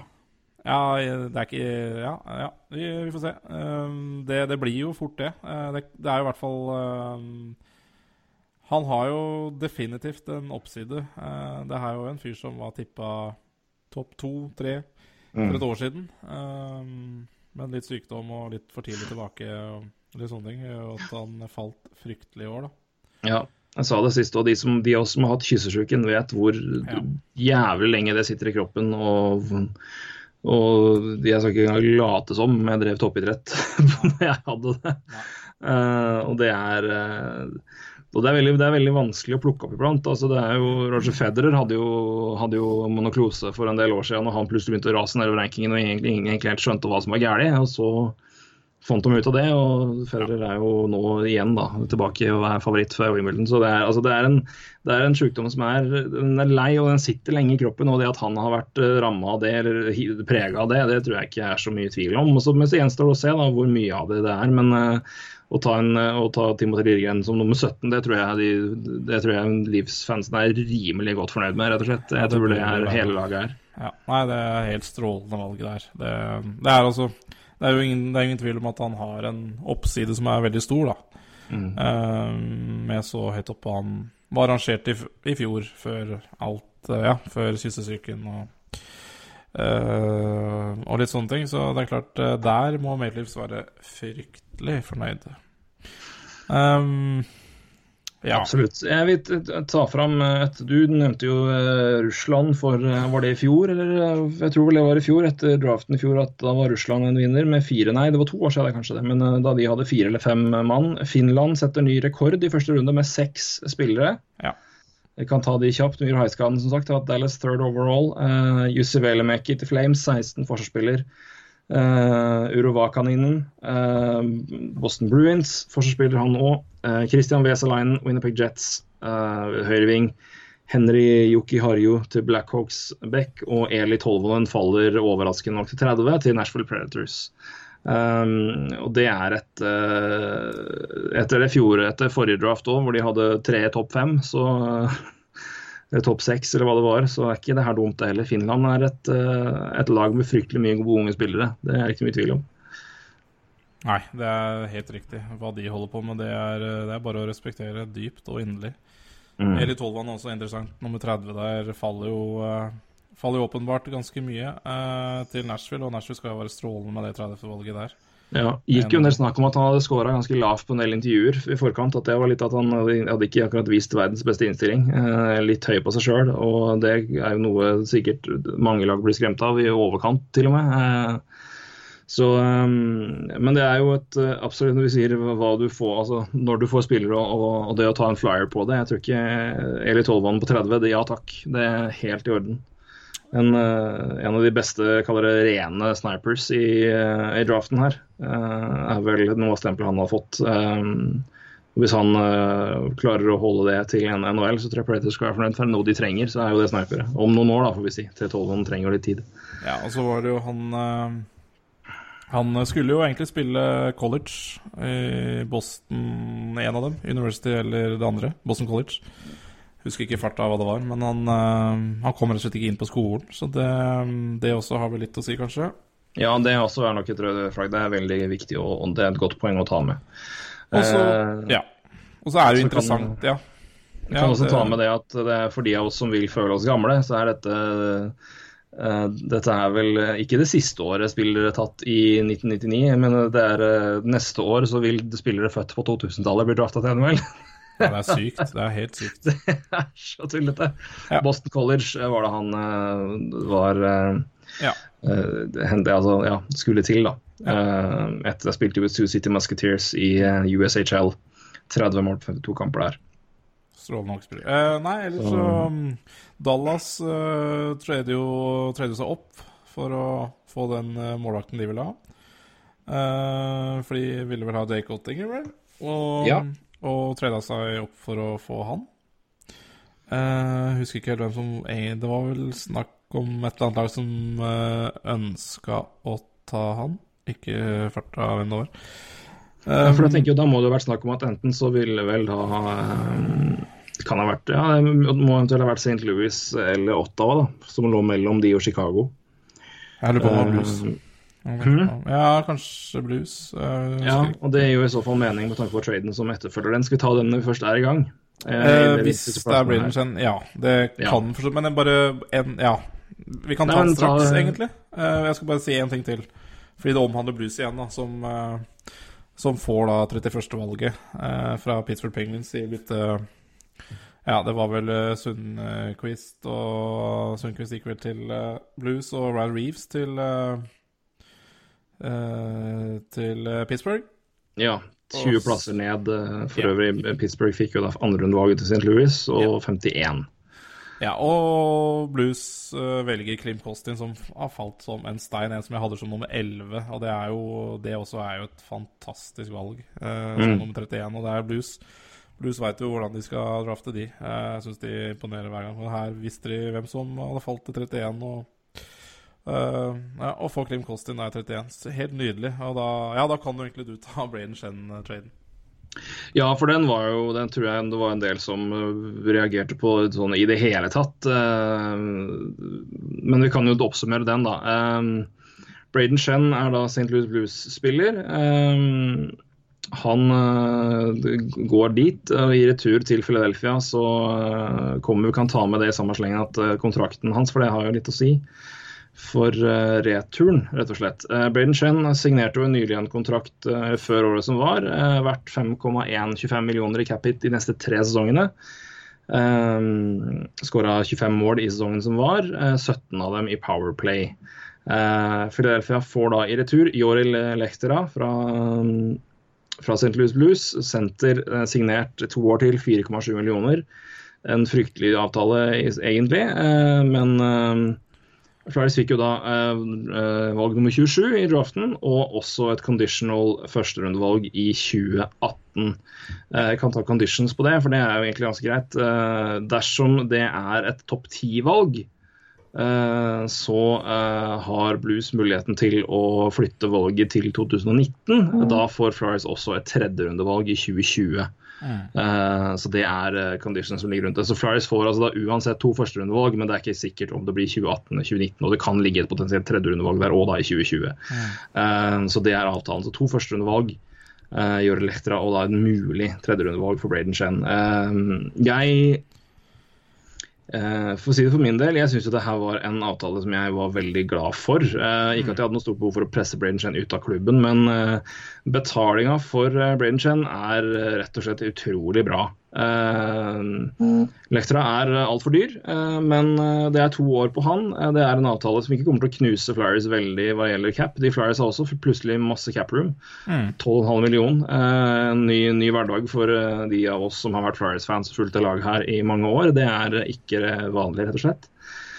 Um, det er ikke så veldig mange som skal signeres heller, så her er det fleksibilitet uh, av en annen verden. Filpola, fem millioner, forsvinner om et år. Uh, Lektor om to, som sagt. Um, og det som også skal tas med her, er jo, og det nevnte jo det sist, uh, når vi prata om Nick Cousins-avtalen.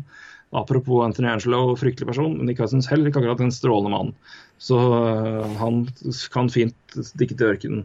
Um, men det er jo et lag som har hatt en, et over, altså en, det har vært overlessa, for å si det på den måten, med eh, forover. Nå, og når vi da tar med Norman Patrick inn i miksen, og antageligvis også da eh, Oskar Lindblom, så eh, vil det være en veldig eh, tight kamp på plassen der. Eh, og Braden Chen, eh, som jo er på papiret senter, har spilt wing hele tida, eh, er eh, klart en, en, spiller eh, som er tøff å gi fra seg. Men når man ser fem mot fem-produksjonen til Braden Chen, så er, er, det lett å på en måte bli Det er lett å bli blenda av 25 mål, men sagt 17 av dem er i Powerplay. Uh, de er ikke verdt noe mindre i Powerplay, for all del. 17 mål er 17 mål. Men fem mot fem er Braden Shen uh, rett og slett ganske shaky i perioder. Han kan enten være den beste spilleren på isen uh, mot hvem som helst, eller han kan være usynlig i hele kampen. Han, og han er, en, han er ikke en spiller jeg tror kommer til å være et ekstremt savn i det store og det hele. Altså, det, laget er nok hakket dårligere i den posisjonen der, men jeg tror at det bør være mulig for noen å komme inn og steppe opp og ta de måla og gjøre, det, gjøre, opp for de måla uh, senere. Og den betalinga de har fått da, i uh, to førsterundevalg, er, er rett og slett for bra til å takke nei til. Um, så jeg, for, for min del syns jeg det var en trade jeg var veldig godt fornøyd med. Uh, jeg syns også det gir bra mening. Eh, for Flyers sin del, da, med, med, tanke på at her var det aldeles for mange offensive spillere inne. og Når du får den verdien for Braden Chen, så er det, da må du nesten ta takke ja til den. Ja, det er som jeg skulle sagt det sjøl. Jeg er helt, helt enig. Um... Jeg tror også Lektra kan du fint plassere ned i bunn seks, og det er det er mye penger på en bunn seks-spiller, men når du ser liksom sammenhengen av hva en del av pakka er jo, altså En del av den betalinga de har fått, er jo også for å ta Lexera-kontrakten. Uh, men igjen, den varer to år. Det er en spiller de kan sette nede i bunn seks som kan gjøre en helt ålreit jobb der. altså Han er ikke noen horror hockeyspiller, han bare har betalt altfor mye til det han er god for. Ja. Um, men også det at uh, han kan gjøre en ok jobb der, og det, er, uh, og det er et lag som nå for en gangs skyld ikke er i cap-skvis. Da.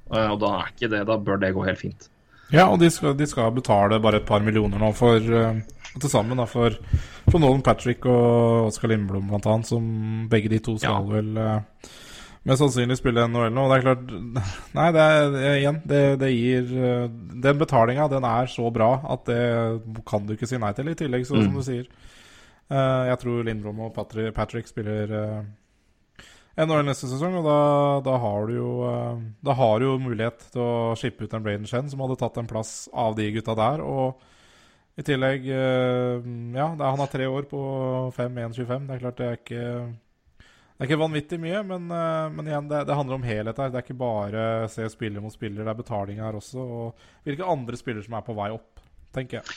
Ja, altså du har for altså, ser, ser stort på det, så er det jo klart du har jo den, den, den fireren blir det nå, da, med Giroud, Voracek, Simens Couturier, og så har du eh, Philip la på avtalen hans, men altså fem millioner på han. og det er ikke, altså Med tanke på cap-situasjonen og hva de har råd til, og når den blir borte, så er den helt OK. Ja. Og han kan jo være fjerdesenter, han.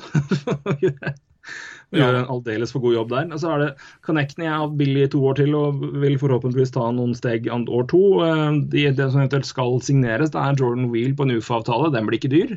Hvis han blir værende, da. Og det, men det spørs jo. Det er Michael Vecchioni da, som de signerte fra college, som skal ha en ny avtale, men den blir jo ikke dyr, den heller. i det hele tatt. Jeg tipper det blir omtrent samme som de hadde, og det var i underkant av en million. Ja. Eh, det skal eventuelt kanskje signeres en, en, veteran i forsvar som skal være der som en sjuendemann. Jeg tipper at det blir henta opp en, i hvert fall én, kanskje to spillere fra av unge forsvarsspillere. Kanskje Robert Hegg, Samuel Murray, kanskje også en Sandheim eller uh, Philip Myers. En av de, i hvert fall. To, ja, det er jo bekkene de må begynne å jobbe litt med nå, det er jo ikke noe tvil om. Mm. Der Nei, og, og der, men der er det også der, men der har du spillere inne som gjør at du kan fylle på de unge inn under da, og ta de litt mindre roller. Det, det som må, må signeres, er en keeper. Ja. Uh, men det er ingen av de Men totalt så det er ikke i nærheten av å være 12,5 millioner det i, i, i cap som skal inn. Så det er uh, det er noe, det, er ikke noe som, altså det de tar på seg i lønn fra Elektra, er ikke, ikke nærheten av å, å, skade laget eh, i det hele tatt. og Det de gjør, er at de, gir dem eh, ett år mindre med, med, den, med den lønna som Shen hadde. og Det gir mulighet til å flytte inn de unge spillerne de har tro på, har forhåpninger til, og gi de en, en større rolle enn de ville hatt da hvis Shen skulle vært der, f.eks. Um, og gode draftpicks. Så nei, jeg ja. hadde tatt Så tror jeg Shen kan gjøre en ok jobb i blues. Altså. Det kommer jo selvfølgelig enda på hvor han blir plassert og hva han får gjort. Jeg er veldig spent på hvis han får muligheten som senter. Jeg tror han kommer til å hjelpe Powerplay deres veldig. Hvis han får en noenlunde lignende rolle som han hadde i Flyers. Altså, for de som har sett Flyers spille Powerplay, så var jo Shen den kaller det, midten av den diamanten. De hadde jo lina opp en uh, en, eh, altså det er én pointman på topp, Gustus Spear, det er Voracek og Giroud på hver sin flanke. og Så er det Simmons foran mål, eller på, uh, på sida av mål. Og så Shen som står i slotten og skal ta one-timere fra, uh, fra, fra Giroud. Det har han jo vært veldig god. Uh, så Hvis han kan bidra med noe Powerplay-styrke til Blues, så er det kjempefint. han forsterker jo Blues, åpenbart. Ja, ja. Det Blues er blitt et bedre lag nå, det er ikke noe tvil om. Definitivt, og de har egentlig ikke så mye å De har ikke så mye å bekymre seg over, de heller. De har 11 millioner i capspace nå. Uh, uh, mister 7 millioner neste år uh, i Paul det er jo strålende. Mm. og det er klart det, Ja, og de har masse de har, På Bexia så har de også folk som kommer opp. så det, Blues jobber godt, de også. Bedre. Uh, Flyers velger da Michael Frost uh, ved valg nummer 27, uh, Morgan. som var uh, Morgan, unnskyld, ikke Michael. Morgan Frost, helt riktig. som var uh, ranka rundt nummer 35-30-40 av Bob McKenzie. Lå liksom høyt oppe der, men er en, en senter som har hadde en veldig økning i produksjonen i OHL i fjor, og er en utrolig rask spiller. Veldig rask spiller. Uh, farta er hans største styrke. Uh, så det er en uh, Jeg skal ikke si altfor mye om den, for det vet jeg ikke, men jeg syns det, var, det lille jeg har lest, er veldig OK. Uh, Farta hans er jo det som har vært mye prat om, da. Han er jo mm. definitivt en av de raskeste Han er en av de raskeste spillerne i hele draften, har blitt det regna som, så det Og så ser jeg på det som en veldig positiv at han, han, han mer enn dobler poengproduksjonen fra første året i OL. Hadde 27 poeng på 65 kamper og hadde 62 på 67 nå. Ja. 20 eh, mål, og det er eh, så han, ble, han, han, skal jeg følge med spenning neste år og se om den, den, øker videre. Og så igjen, Om det er snakk om en senter, om det er snakk om en ving, det får vi nå se. Jeg tror kanskje det er mer aktuelt med en ving, men uh, en, eh, et så stort hopp i poengproduksjon fra første året til andre året i OHL, pluss den farta han har, eh, det gjør at jeg i hvert fall er, er, er intrigued, som det så pent heter. Ja, det er eh, helt, helt riktig. Jeg også så litt på han før draften og var litt spent på hvor, når han kom til å gå. Om, han, om det var noen som ja, tok en sjanse og tok han i første, og det gjorde det da Flyers. da Så det, de mm. skal du være meget happy med. ja ja da, jeg syns òg bare ikke skal bruke mye mer tid på det nå, men jeg syns Flyers gjør en ganske ålreit draft. Altså. Det er, ja. det er mye det er mye ålreit. Jeg er veldig, veldig spent på, um, på Strom-bror junior uh, i runde fire. Det, hans, store er, hans store spørsmål er jo um, Matthew Strom, altså. Ja, det, er, det, med, det, er, mye ferdigheter, det er mye skill, men det her er det skøyteferdighetene som mangler. Og som du sier, det kan du jobbe med. Og det, den gamblinga der i uh, i fjerde runde. Det tror jeg kan bli Den, blir, den er jeg veldig spent på. Uh, og De får også, som de jo sa, at de ville ta en keeper til, og det har de fått uh, i en uh, stor russer ved navn Kiel Ustimenko. Så han òg tror jeg kan være ålreit. Så nei, jeg er veldig fornøyd som Flyers-fan etter denne helga her. Det er bra. Da er vi fornøyd begge to med lagene våre, og det er viktig. Det er, vi, det er alle glade, ingen misfornøyde av oss i hvert fall. Så ikke, så, ikke, så, fornøyd med første runde, men uh, nedover får vi Canadiens en ganske bra draft. Altså. Det gjør de. Yes, da har vi vel brukt eh, nok tid der, tror jeg, uh, på det som skjedde der. Eh, vi får se, det var jo noen Ja, vil du si noe mer om Reefs-avtalen, eller? Jeg har ikke så stort behov for å bruke så mye tid på det, jeg, men det Nei, det er jo bare høyst interessant å å se at uh, Pittsburgh helt gidder. Men det, ja, det de, har vel, som... de, har vel, lyst til å ha litt slagkraft da, for å beskytte Crosby. Ja, da, ifølge Jim Rutherford så er det jo 70-tallshockey i NHL igjen nå, så det Ja, men da, da, da, er han, vel... da er han i riktig tid, da, så da har han gjort en strålende trade. Så ja, jeg syns jo det var Altså Det er greit å mene at gutta dine får litt mye mer tynn enn en de bør, og det er helt kanskje innafor, men om jeg er 70-tallstendenser, da, da mister du meg på seriøsitet. Altså, da kan du gå og legge deg. Uh, men de mente vel da at de så vel tydeligvis da et behov for å litt, ha litt mer, litt mer muskler i fjerde rekke. Og Reefs er jo blitt mer enn en slåsskar. Han er ikke noe possession-driver i det hele tatt, men uh, det er en, det er en, det er ikke en goon eh, av gamleskolen, sånn sett, da, men det er fortsatt en, et tvilsom eh, trade. Eh, jeg syns det var interessant å se at det var veldig mange Rangers, ja, Penguins-fans, som var no, relativt nervøse på det, på det første moven etter at Botherell ble borte. Nå er Rutherford alene igjen, og da går det til helvete.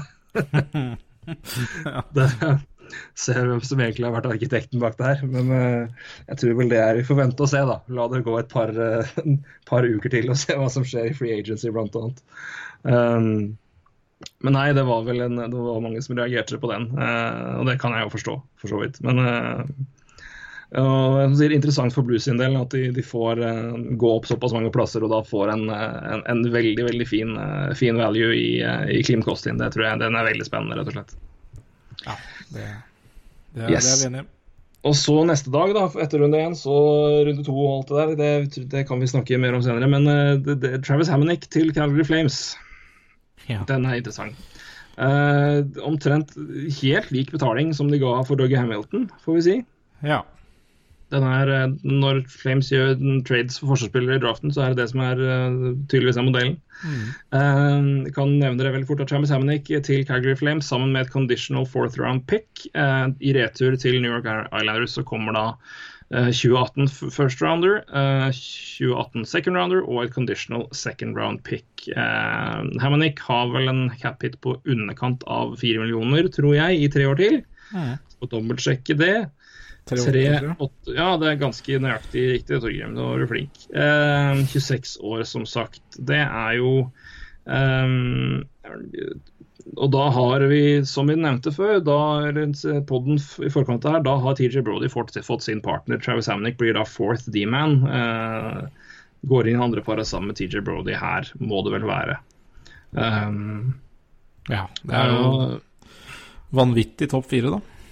Det er det. Um, hvis vi tar traden, da, hvis du ser på den først, så er det eh, hva, hva tenker du om det Flames må gi opp her?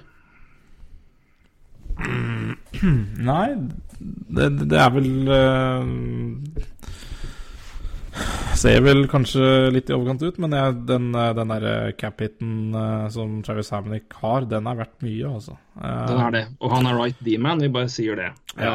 Right D, tre under 4 millioner, 26 år, tre år til. Nei, det, det, det, den Eh. er så mye verdt, så, så, så hvis det ser mye ut, ja, det er kanskje Men er, det er verdien hans, rett og slett, eh, på markedet, eller i det hele tatt. For det, det er mange som har prøvd seg på Travis Hammonick de siste to åra, for å si det sånn. Eh, Ja.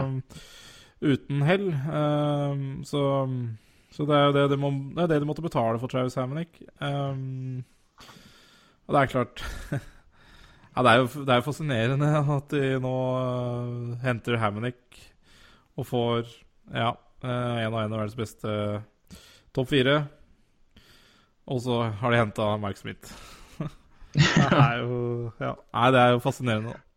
Men jeg, det kan jo ikke være så mye tvil om eh, Når vi ser hva de, hva de er villige til å ofre av, av, av draft picks, da, og det har jo eh, Ja. Kan jo se nå at dette er også et lag som har bra med Dette er et lag som har bra med capspace. Uh, det kommende sesongen har mulighet til å signere, signere flere spillere, de. Eh, men når vi ser hva det laget her har, og, de, eh, og i den posisjonen de er i nå her, Flames går virkelig nå eh, inn, altså. Jeg, jeg, og, og satser. Må jo, vi må jo si det. Ja, og det, det bør de jo. Uh, vi snakka jo litt om det forrige gang med Mike Smith-traden. Uh, at de At det er et lag som satser. Um, så, så det gir jo, det gir jo mening, det. Eh, og det er klart, den, den Altså uansett, hvis du snakker om cap hit, så er den Travis Hamnick sin er jo er, er Ja, det har jo omtrent ingenting å si i forhold til hva han leverer, så Mm. Nei, det er vakkert. Eh, det er klart det blir, det blir jo eh, Det blir ikke så veldig mye dyrere for å lage her framover heller. Altså Bakklund skal jo ha ny kontrakt neste år. Sam Bennett skal ha ny kontrakt nå. Michael Ja. Michael Furlan det samme. Men Sam Bennett vel ikke, blir vel ikke grisedyr han heller, tror jeg. Han skal vel sikkert inn på en rimelig bridge. Men de ofrer vel Marcus Stone nå, tenker jeg. Eh, det er vel ikke plass til han eh, Nei. nå, tenker jeg, på, på den eh, Neppe ved det han vil ha, eh, får vi si. da. Han eh, var jo på en lønn på fire millioner, så- Ja, eh, han vil neppe ha mindre enn det. Nei, og det Eh. tror jeg ikke Calgary skal begi seg ut på. For da blir det for dyrt å drive backer i denne laget der. Um, Apropos Becker, skal vi ta to minutter om Curtis eh, eller, eller, altså, eller Curtis. Russell til Edmonton, som får forlenges? Hvis Russell. Ja, vi kan snakke om det òg. Uh, Forlenga fire år, fire millioner, var det ikke det? Jo. Det er jo uh... Nei, det var vel det vi trengte å si om det. ja. Ja. Den Nei, er ikke bekreftet for, for mye, for mye puck-blokkeringer da, for fire millioner. Det får du jo. Ja, det er eh, Nei, jeg Ja. Er det ikke mer verdi ute der enn det, altså? Da hadde jeg prøvd meg på Marcus Stone, faktisk. Ja, jeg hadde prøvd meg på Michael Del Sotto, for eksempel. Ja, jo, jo, men eh, ja, når vi var inne Michael på Stone. Marcus Ja, men Michael Stone også. Ja, men det er Jeg, Jeg syns det er jeg, Bare det er jo mye mer verdi enn det der. der. Ja. Nei, det er eh, Nei, jeg skjønner ingenting av den. Uh, I Ikke minst lengden på den. Jeg syns den er helt uh, Nei. Jeg, jeg, jeg skjønner det ikke. Jeg kan ikke si så mye mer vet om det, men jeg, jeg, skjønner, jeg skjønner ikke. Nei, Så her, det er jo noe om det. Men ja. Så, men det var bare det å, å anerkjenne at det har skjedd. Um, men igjen tilbake, hvis vi går tilbake til, til Flames Eller hvis vi, hvis vi snur på det, da, for nå har vi jo sagt litt om Flames, men Islanders en del, det er jo ganske overraskende at det ikke kommer noen faktiske spillere i retur. Men er det da ligger det opp til nå at Islanders ser for seg en, en deal hvor de får trada til seg en spiller da, for de valgene de fikk? De hadde jo hatt tilbud visstnok fra Toronto Maple Leaf som førsterundevalg pluss James Van Reemstike. ja. Nei, og det er klart det er vanskelig å, vanskelig å dømme Islanders nå. Det, jo, det, blir spennende å se hva de skal bruke penga på, egentlig. Eh, for eh, ja, nå har vi vel snaue 10 millioner i cap hit, tror jeg, eh, sist jeg sjekka. Det er helt riktig. 9,3. Vi kan jo si at ja. selv om de nå mister Hammond i går, så er det jo Boychuk, Boychuk Leddy, Thomas Hickey, Calvin DeHaan. Uh, ja. Ryan Pollock får vel antageligvis spille, og de, eh, de forsvarte jo også Adam Pellek, er det ikke det han heter? Ja, Pellec. Uh, Pellec ja. ja. Uh, er det Pellec, ja? Er det Pellec? Jo, det gjorde det. Um, så jeg vil jo tro at også han vil spille NHL neste sesong. Um, så De har jo sånn sett muligheter til å erstatte Travis Hamnick. Ikke, han er jo en, om de er like gode, det kan vi jo selvfølgelig diskutere, men det, det er ikke noe men de har nok av talenter, unge spillere bak der som de kan, kan fylle inn, da, tror jeg. Uh, men uh, nei, men jeg, jeg, tror ikke de er ferdige her, uh, Islanders. Nei, det tror jeg ikke jeg heller. Det er klart Calvin og han skal jo forlenge nå, så han tipper vi ser opp igjen 4-4,5, tenker jeg. Ja. da ligger de da igjen med sirkus 5 millioner i capita. Ja. Så er det jo fortsatt Eh, du får jo ålreite spillere der, men eh, de kan jo også jobbe litt med De kan jo sende Nicola Kulemin tilbake også, da, så har du mot et eller annet, og så har de fire millioner til. Egentlig. Mm. Eh, sende, sende, han til et uh, cap-startlag. Um, Arizona, hei. Så, ja. ja. Det er jo sånne ting de, de kan gjøre. Men um, også et lag å følge med på på lørdag, tror jeg aller høyeste grad. Uh, vi skal selvfølgelig kikke litt på lørdag hvem, vi, hvem som har vært å følge med på snart. Um, men en siste deal vi kan se på, er uh, at Mark Method, uh, eller Mark Method, ja, Mark, Mark Method har fått en ny klubb, som venta. det var snakk om Montreal. Der ville, dit ville ikke Mark Method dra, rett og slett. Han hadde sagt alle canadiske lag på, no, på sin no trade-liste. Oh, oh, Og, eh, men han drar isteden til Dallas Stars, uh, og det får Golden Knights et uh, andrerundevalg i 2020. Og keeper prospect Dylan Ferguson. Jeg bladde opp Der har vi den. Dylan Ferguson der, vet du. Tatt i sjuende runde, runde nå. ja, et ålreit år bak seg i, i WHL, men igjen sjuende runde, så det er ikke det er ikke akkurat noe garanti, men det er igjen et prospect inn i et lag som trenger det. Men det er jo et andrerundevalg for, for Mark, Mark Method. Og det er jo et uh, Det kan man si hva vi vil om Mark Method og det han tjener, men uh, han viste jo sin verdi i playoffs, vil jeg si. Ja. Mm. Og at Dallas Stars uh, kan trenge en Mark Method, det tror jeg vi alle kan si oss enig i. Ja, jeg er, jeg er helt enig i det. Jeg bare, altså For min del, Montreal Canadiens, der hadde jeg vel ikke vært så veldig happy. Men, men i Stars, der, der, de har ikke mye backer heller i Stars. Uh, så å få han sammen med Klingberg tror jeg er helt uh, strålende. Ja. Jeg tror det er en, Min analyse her var at Mark Method er vant til å spille med en spiller som Jon Klingberg. Skal ikke sammenligne Klingberg og Karlsson i, helt, men de er jo ikke akkurat ulike i, type, i, i, spillertype og ønske om å drive pucken fram. Klingberg er jo en, en, en ikke Du kaller det Karlsson light, eh, men men av, av, av back-type så vil jeg jo si at Mark Method i hvert fall kan gli inn og, og, vite omtrent hva han skal gjøre. For han har spilt med Erik Karlsson og vet jo da, er jo vant til typen. Det, det er jo en interessant matchup, syns jeg i hvert fall. Ja. Uh, som kan være bra for Stars, at de i hvert fall har en back som vet hvordan han skal spille sammen med en type som Klingberg. Ja, nei, altså, um, den, Jeg liker, liker, den traden veldig godt. Den gir veldig god mening for Dallas. Uh, så, så, så, så, det er helt uh, klinkende klart. Der er vi enige. Mm. Det er ikke og, Mark Todd jeg har så veldig imot uh, når jeg ikke vil ha til Canadiens, det er lagsammensetning. Ja, det er for en metode, type, Beck-typer av Mark Method har vel dere nok av. Ja, det, det, det er korrekt, selv om vi mista en i draft, eller expansion-draften. Um, Mm.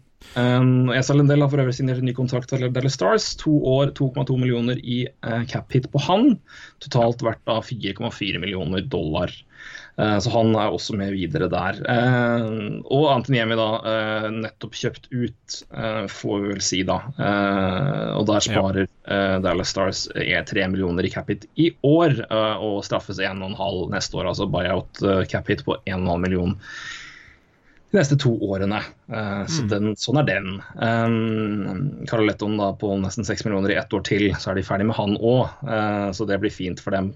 Ja, Men de har masse cap hit uh, nå, det, så de har Ja, de har masse cap space, og de har ingen spesielle ja, som skal signeres heller. Jeg, jeg, jeg, mente hva du skjønte, som jeg pleier å si så humoristisk. Ja. Eh, nei, men de har, de har veldig mye, de har mye rom å jobbe med her. Eh, Ja. Stars jeg kommer til å gjøre noe, noe gøy. Eh, prøve, å få litt, litt mer dybde. Eh, så får vi nå se da når, eh, om de klarer å overtale en, en, en velkjent russer til å komme tilbake. Det blir jo veldig spennende i så fall. I Valerij Nisjurskin. Mm. Tror ikke han kan komme før neste år, men eh, for jeg tror han har kontrakt et år til. Og Ja, det har og der det er det jo noe KL og NHL har jo noen regler. Eller Ja. noen overgangsregler. Men eh, han kan vel kjøpe seg ut av kontrakten i KL, tror jeg, hvis han har igjen et år. Men ja. Om han gjør det, det gjenstår jo å se, for da skal vel han ha litt betalt sjøl i, i, i kontrakt, regner jeg med. Så Ja, men det er, et, det er i hvert fall et, et lag som nå har ganske mye fleksibilitet, eh, og som hadde mer enn plass nok til å ta inn Mark Methaw Jeg tror det var eh, For Dallas sin del og det, det laget der og hvem de trengte inn, syns jeg det var en ganske OK avtale. Um, og det er, eh, Vi kan selvfølgelig se på Capit, men i lengde så er det en avtale som ikke st- straffer det laget her noe i det hele tatt. Det er to år, i underkant av fem millioner på Mark Methaw og Det er, uh, Nei, av hva de trenger, hva- syns jeg det er en helt fin, fin avtale for Stars sin del. Jeg tror de har sett hva de trenger ved siden av Klingberg, og der uh, tror jeg han passer strålende. Absolutt. Eh, vi har en, eh, en UFA Vi har Free Agent Frenzy om noen dager. Ja, det. Eh, det er som vi sier, Dette her er nydelige dager. Og som sagt så kommer, kommer du på besøk hit til Ja, Kongsberg. ja, det blir, Vi skal, ja, det blir vi skal- fælt. Altså, innlede ferien med tur til Kongsberg og og Nei, men det, det blir nydelig, altså. Helt herlig start på ferie. Veldig veldig hyggelig. Og vi, skal, vi, skal, eh, vi har planer om å kjøre live på det underveis eh, for å gi en liten eh, ja, tillegg til eh, øvrig god dekning fra DSN Sports, Sportsnett, hva enn du måtte velge av stream. Ja. Um, lykke til med leting der for øvrig. Det pleier å gå fint. Men eh, streams eh, er jo alltid et, et ønske uh, på sånne dager der. Um, Nei, men men det, det er godt alternativ å høre på oss. Altså, vi prater mye tull, Ja, eh, spesielt meg. Men eh, jeg tenker jo altså, hvis man heller har lyst til å drive med litt andre ting enn en lørdag kveld enn å drive og se gladene på en TV og, eh, og dette spennende som skjer, så kan man jo heller i hvert fall ha én øreplugg i øret og høre på oss.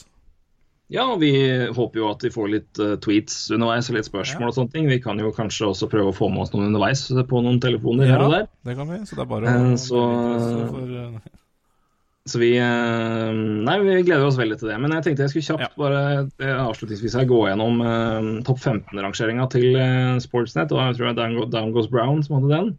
Nei, det var Luke Fox, var det. Samme det. Luke Fox er en flink fyr uansett. Eh, nummer én er jo Kevin Shattenkirk, ikke overraskende. Eh, som den mest interessante og kanskje mest ettertrakta UFA-en. Eh, Rangers er jo det åpenbare destinasjonen, mener noen. Eh, og de har jo plass til den, rett og slett. Eh, og kanskje en Beck-type de ikke har hatt siden Keith Yandel. Så det er eh, Jeg overrasker meg vel ikke hvis, hvis, den, hvis han går dit. Nei, de brukte jo Keith Yandel veldig riktig, så det ja. Nei, men det er bra. Men eh, det, den, det, han blir i hvert fall eh, spennende å se, ikke minst hva han, hva han ender opp med å få. Eh, Det tror jeg kan bli ganske interessant. Nummer to, Alexander Radulov, blir jo enn så lenge UFA. Det blir spennende å se hva situasjonen, hva som skjer der de kommende dagene, rett, og slett. Uh, har vel fått klar beskjed, så vidt jeg vet, fra Montreal om at noe mer enn tre år er ikke aktuelt. Eh, Highest offer made fra Eric Angles, altså Montreal-reporteren reporteren til Sportsnet. Uh, been told the highest offer made to Radlov was three years. Uh, Radlov skal jo da ha bedt om seks år, sju millioner, og det er, man begynner jo høyt. Man begynner høyt, og man begynner lavt hvis man er klubb. Så det hvis fi, fi, fi, fire år der, det er jo eh, Og kanskje litt høyere cap enn Ja. Så ja. ja hadde vært fornøyd. Så det blir, spennende å se. Veldig. Eh, veldig. En, tre, en annen kar jeg er veldig spent på hva ender opp med, for det tror jeg kan være en ganske artig deal for noen lag. eh, Martin Hansal.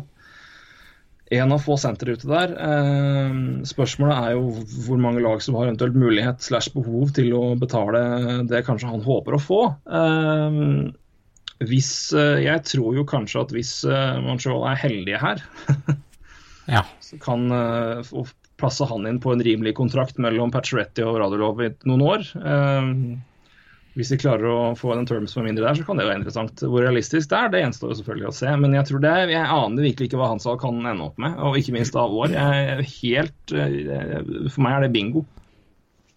Mm. Ja, det, det, det er litt bingo. Eh, Jeg tenker det samme.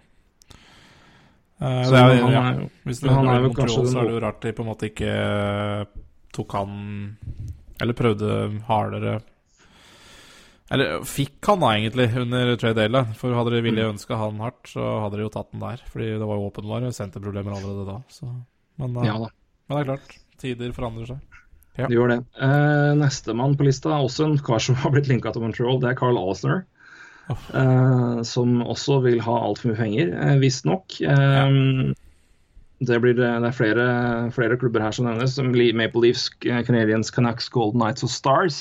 Eh, spørs vel eh, om den Stars-linken eh, blir litt mindre nå når uh, Mark Method kom inn. Uh, det. tror jeg nok kanskje kan være Men uansett en, en spiller som nok kommer til å dra en del interesse. Joe Thornton blir veldig interessant. Um, Ja. det Det kan være en liten game changer, altså. Mm.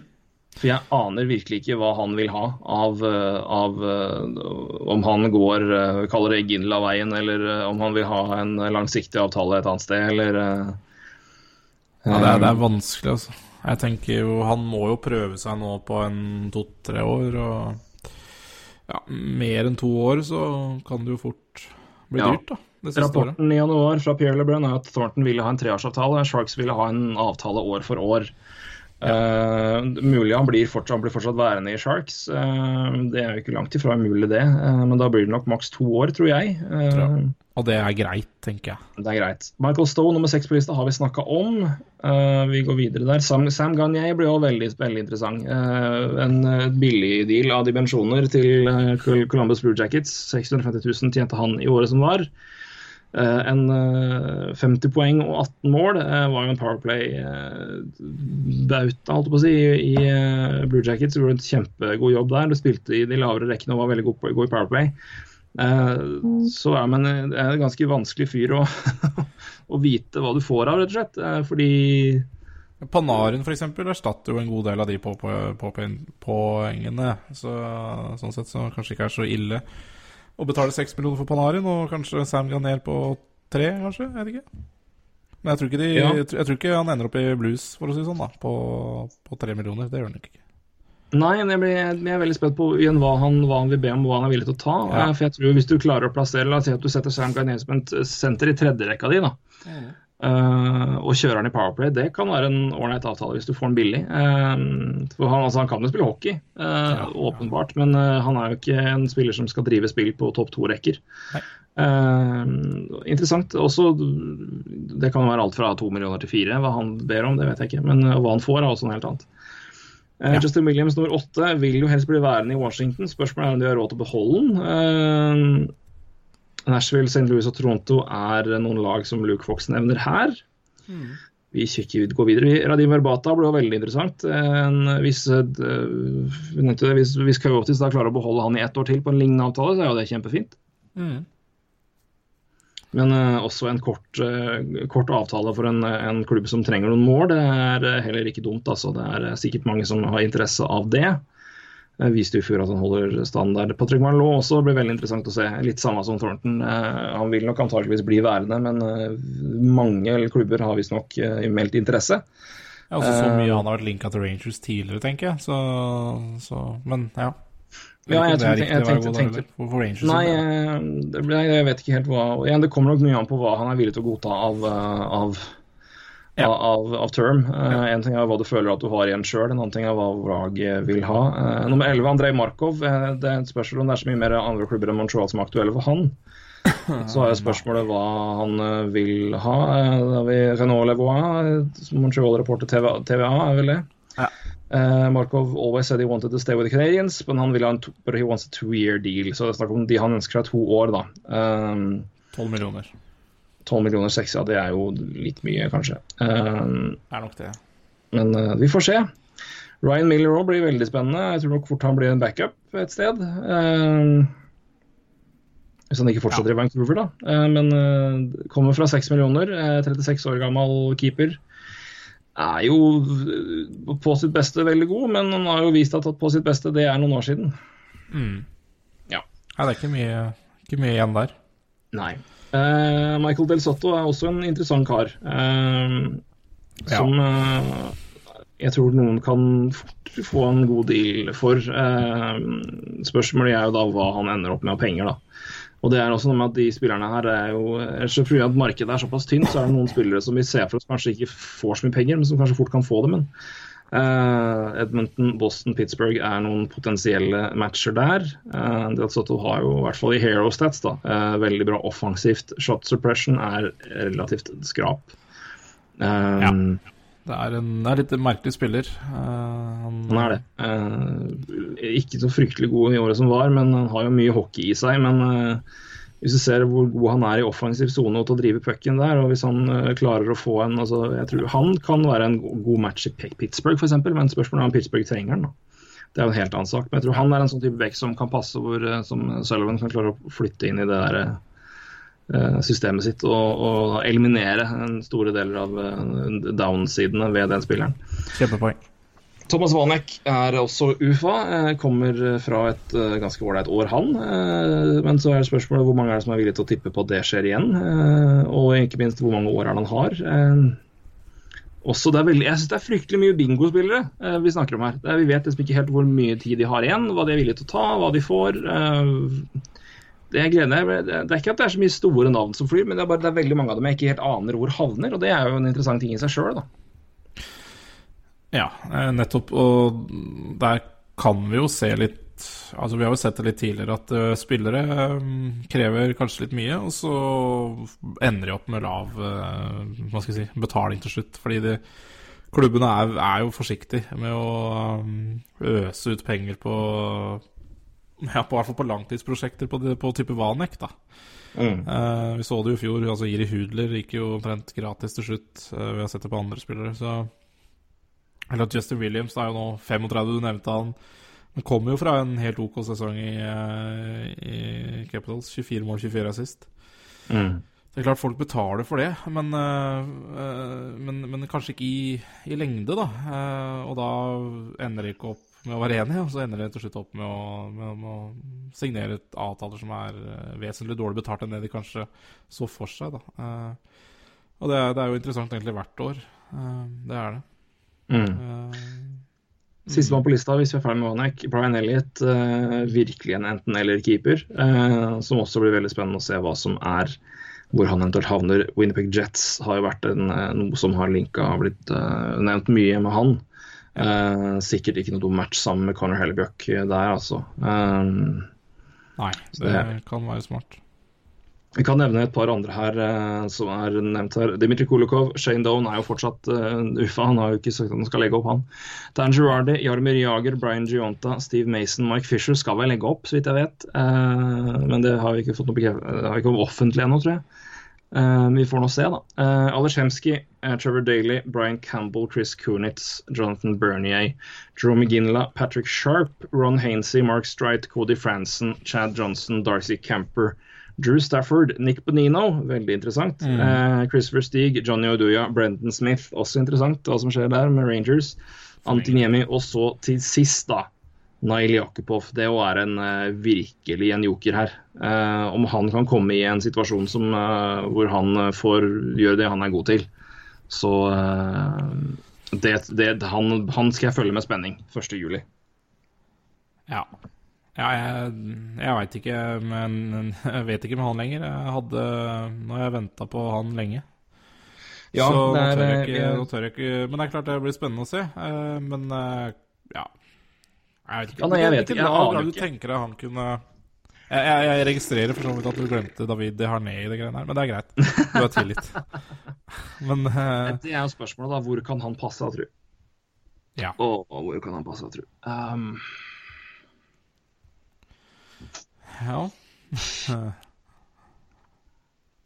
Ja Altså, det, er jo, altså, åpenbart det svar er jo på vingen til Conor McDavid, men det, det, er jo ikke riktig. Ja, det er akkurat det. Uh, men jeg, det, det, her, ja.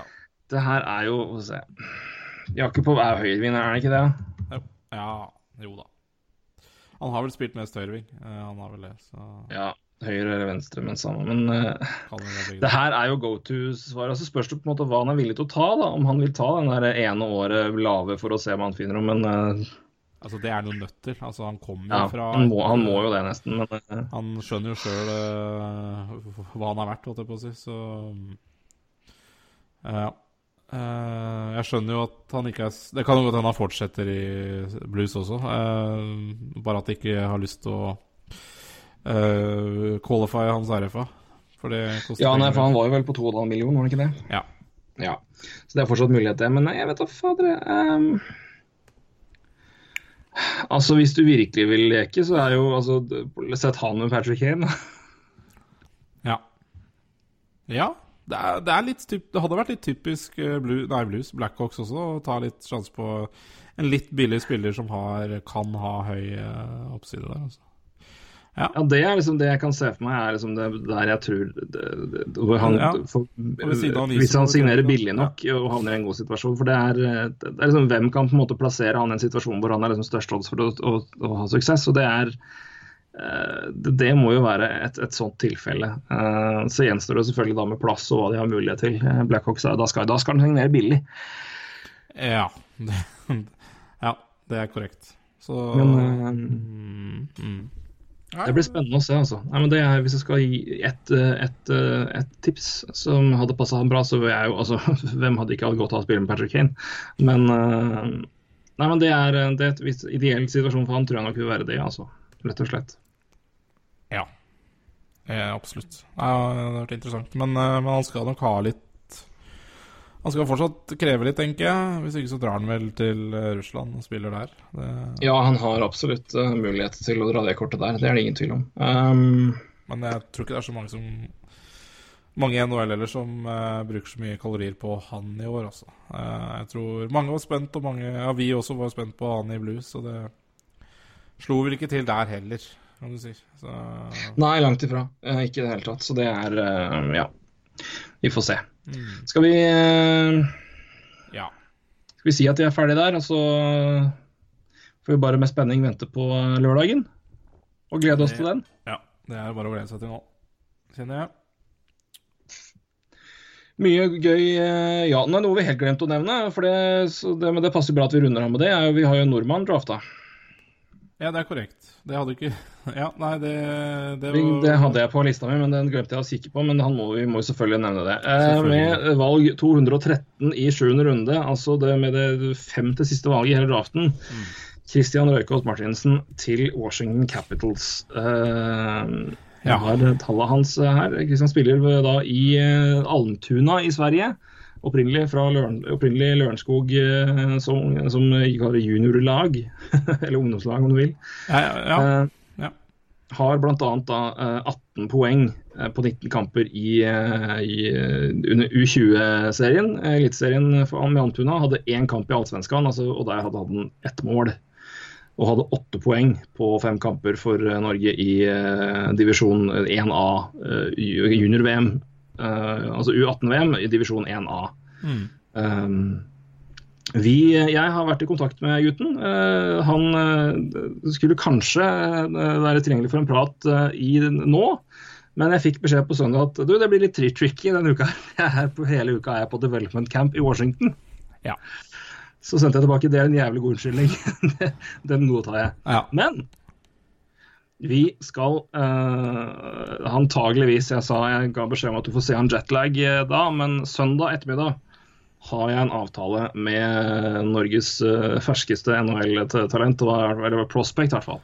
Mm. Uh, og da skal vi rett og slett få en prat med uh, nummer 213 i draften i år. rett fra Development Camp i Washington. Ja, Det blir Det gøy, gøy å høre hvordan det fungerer gøy. også. Og hvordan det er når du mottar en samtale om at du har blitt drafta. Nei, det blir strålende. Det er mye Her er det mye innsikt, Ja, det eh, gleder jeg meg rett og til. slett. eh, Så det blir kjempegøy.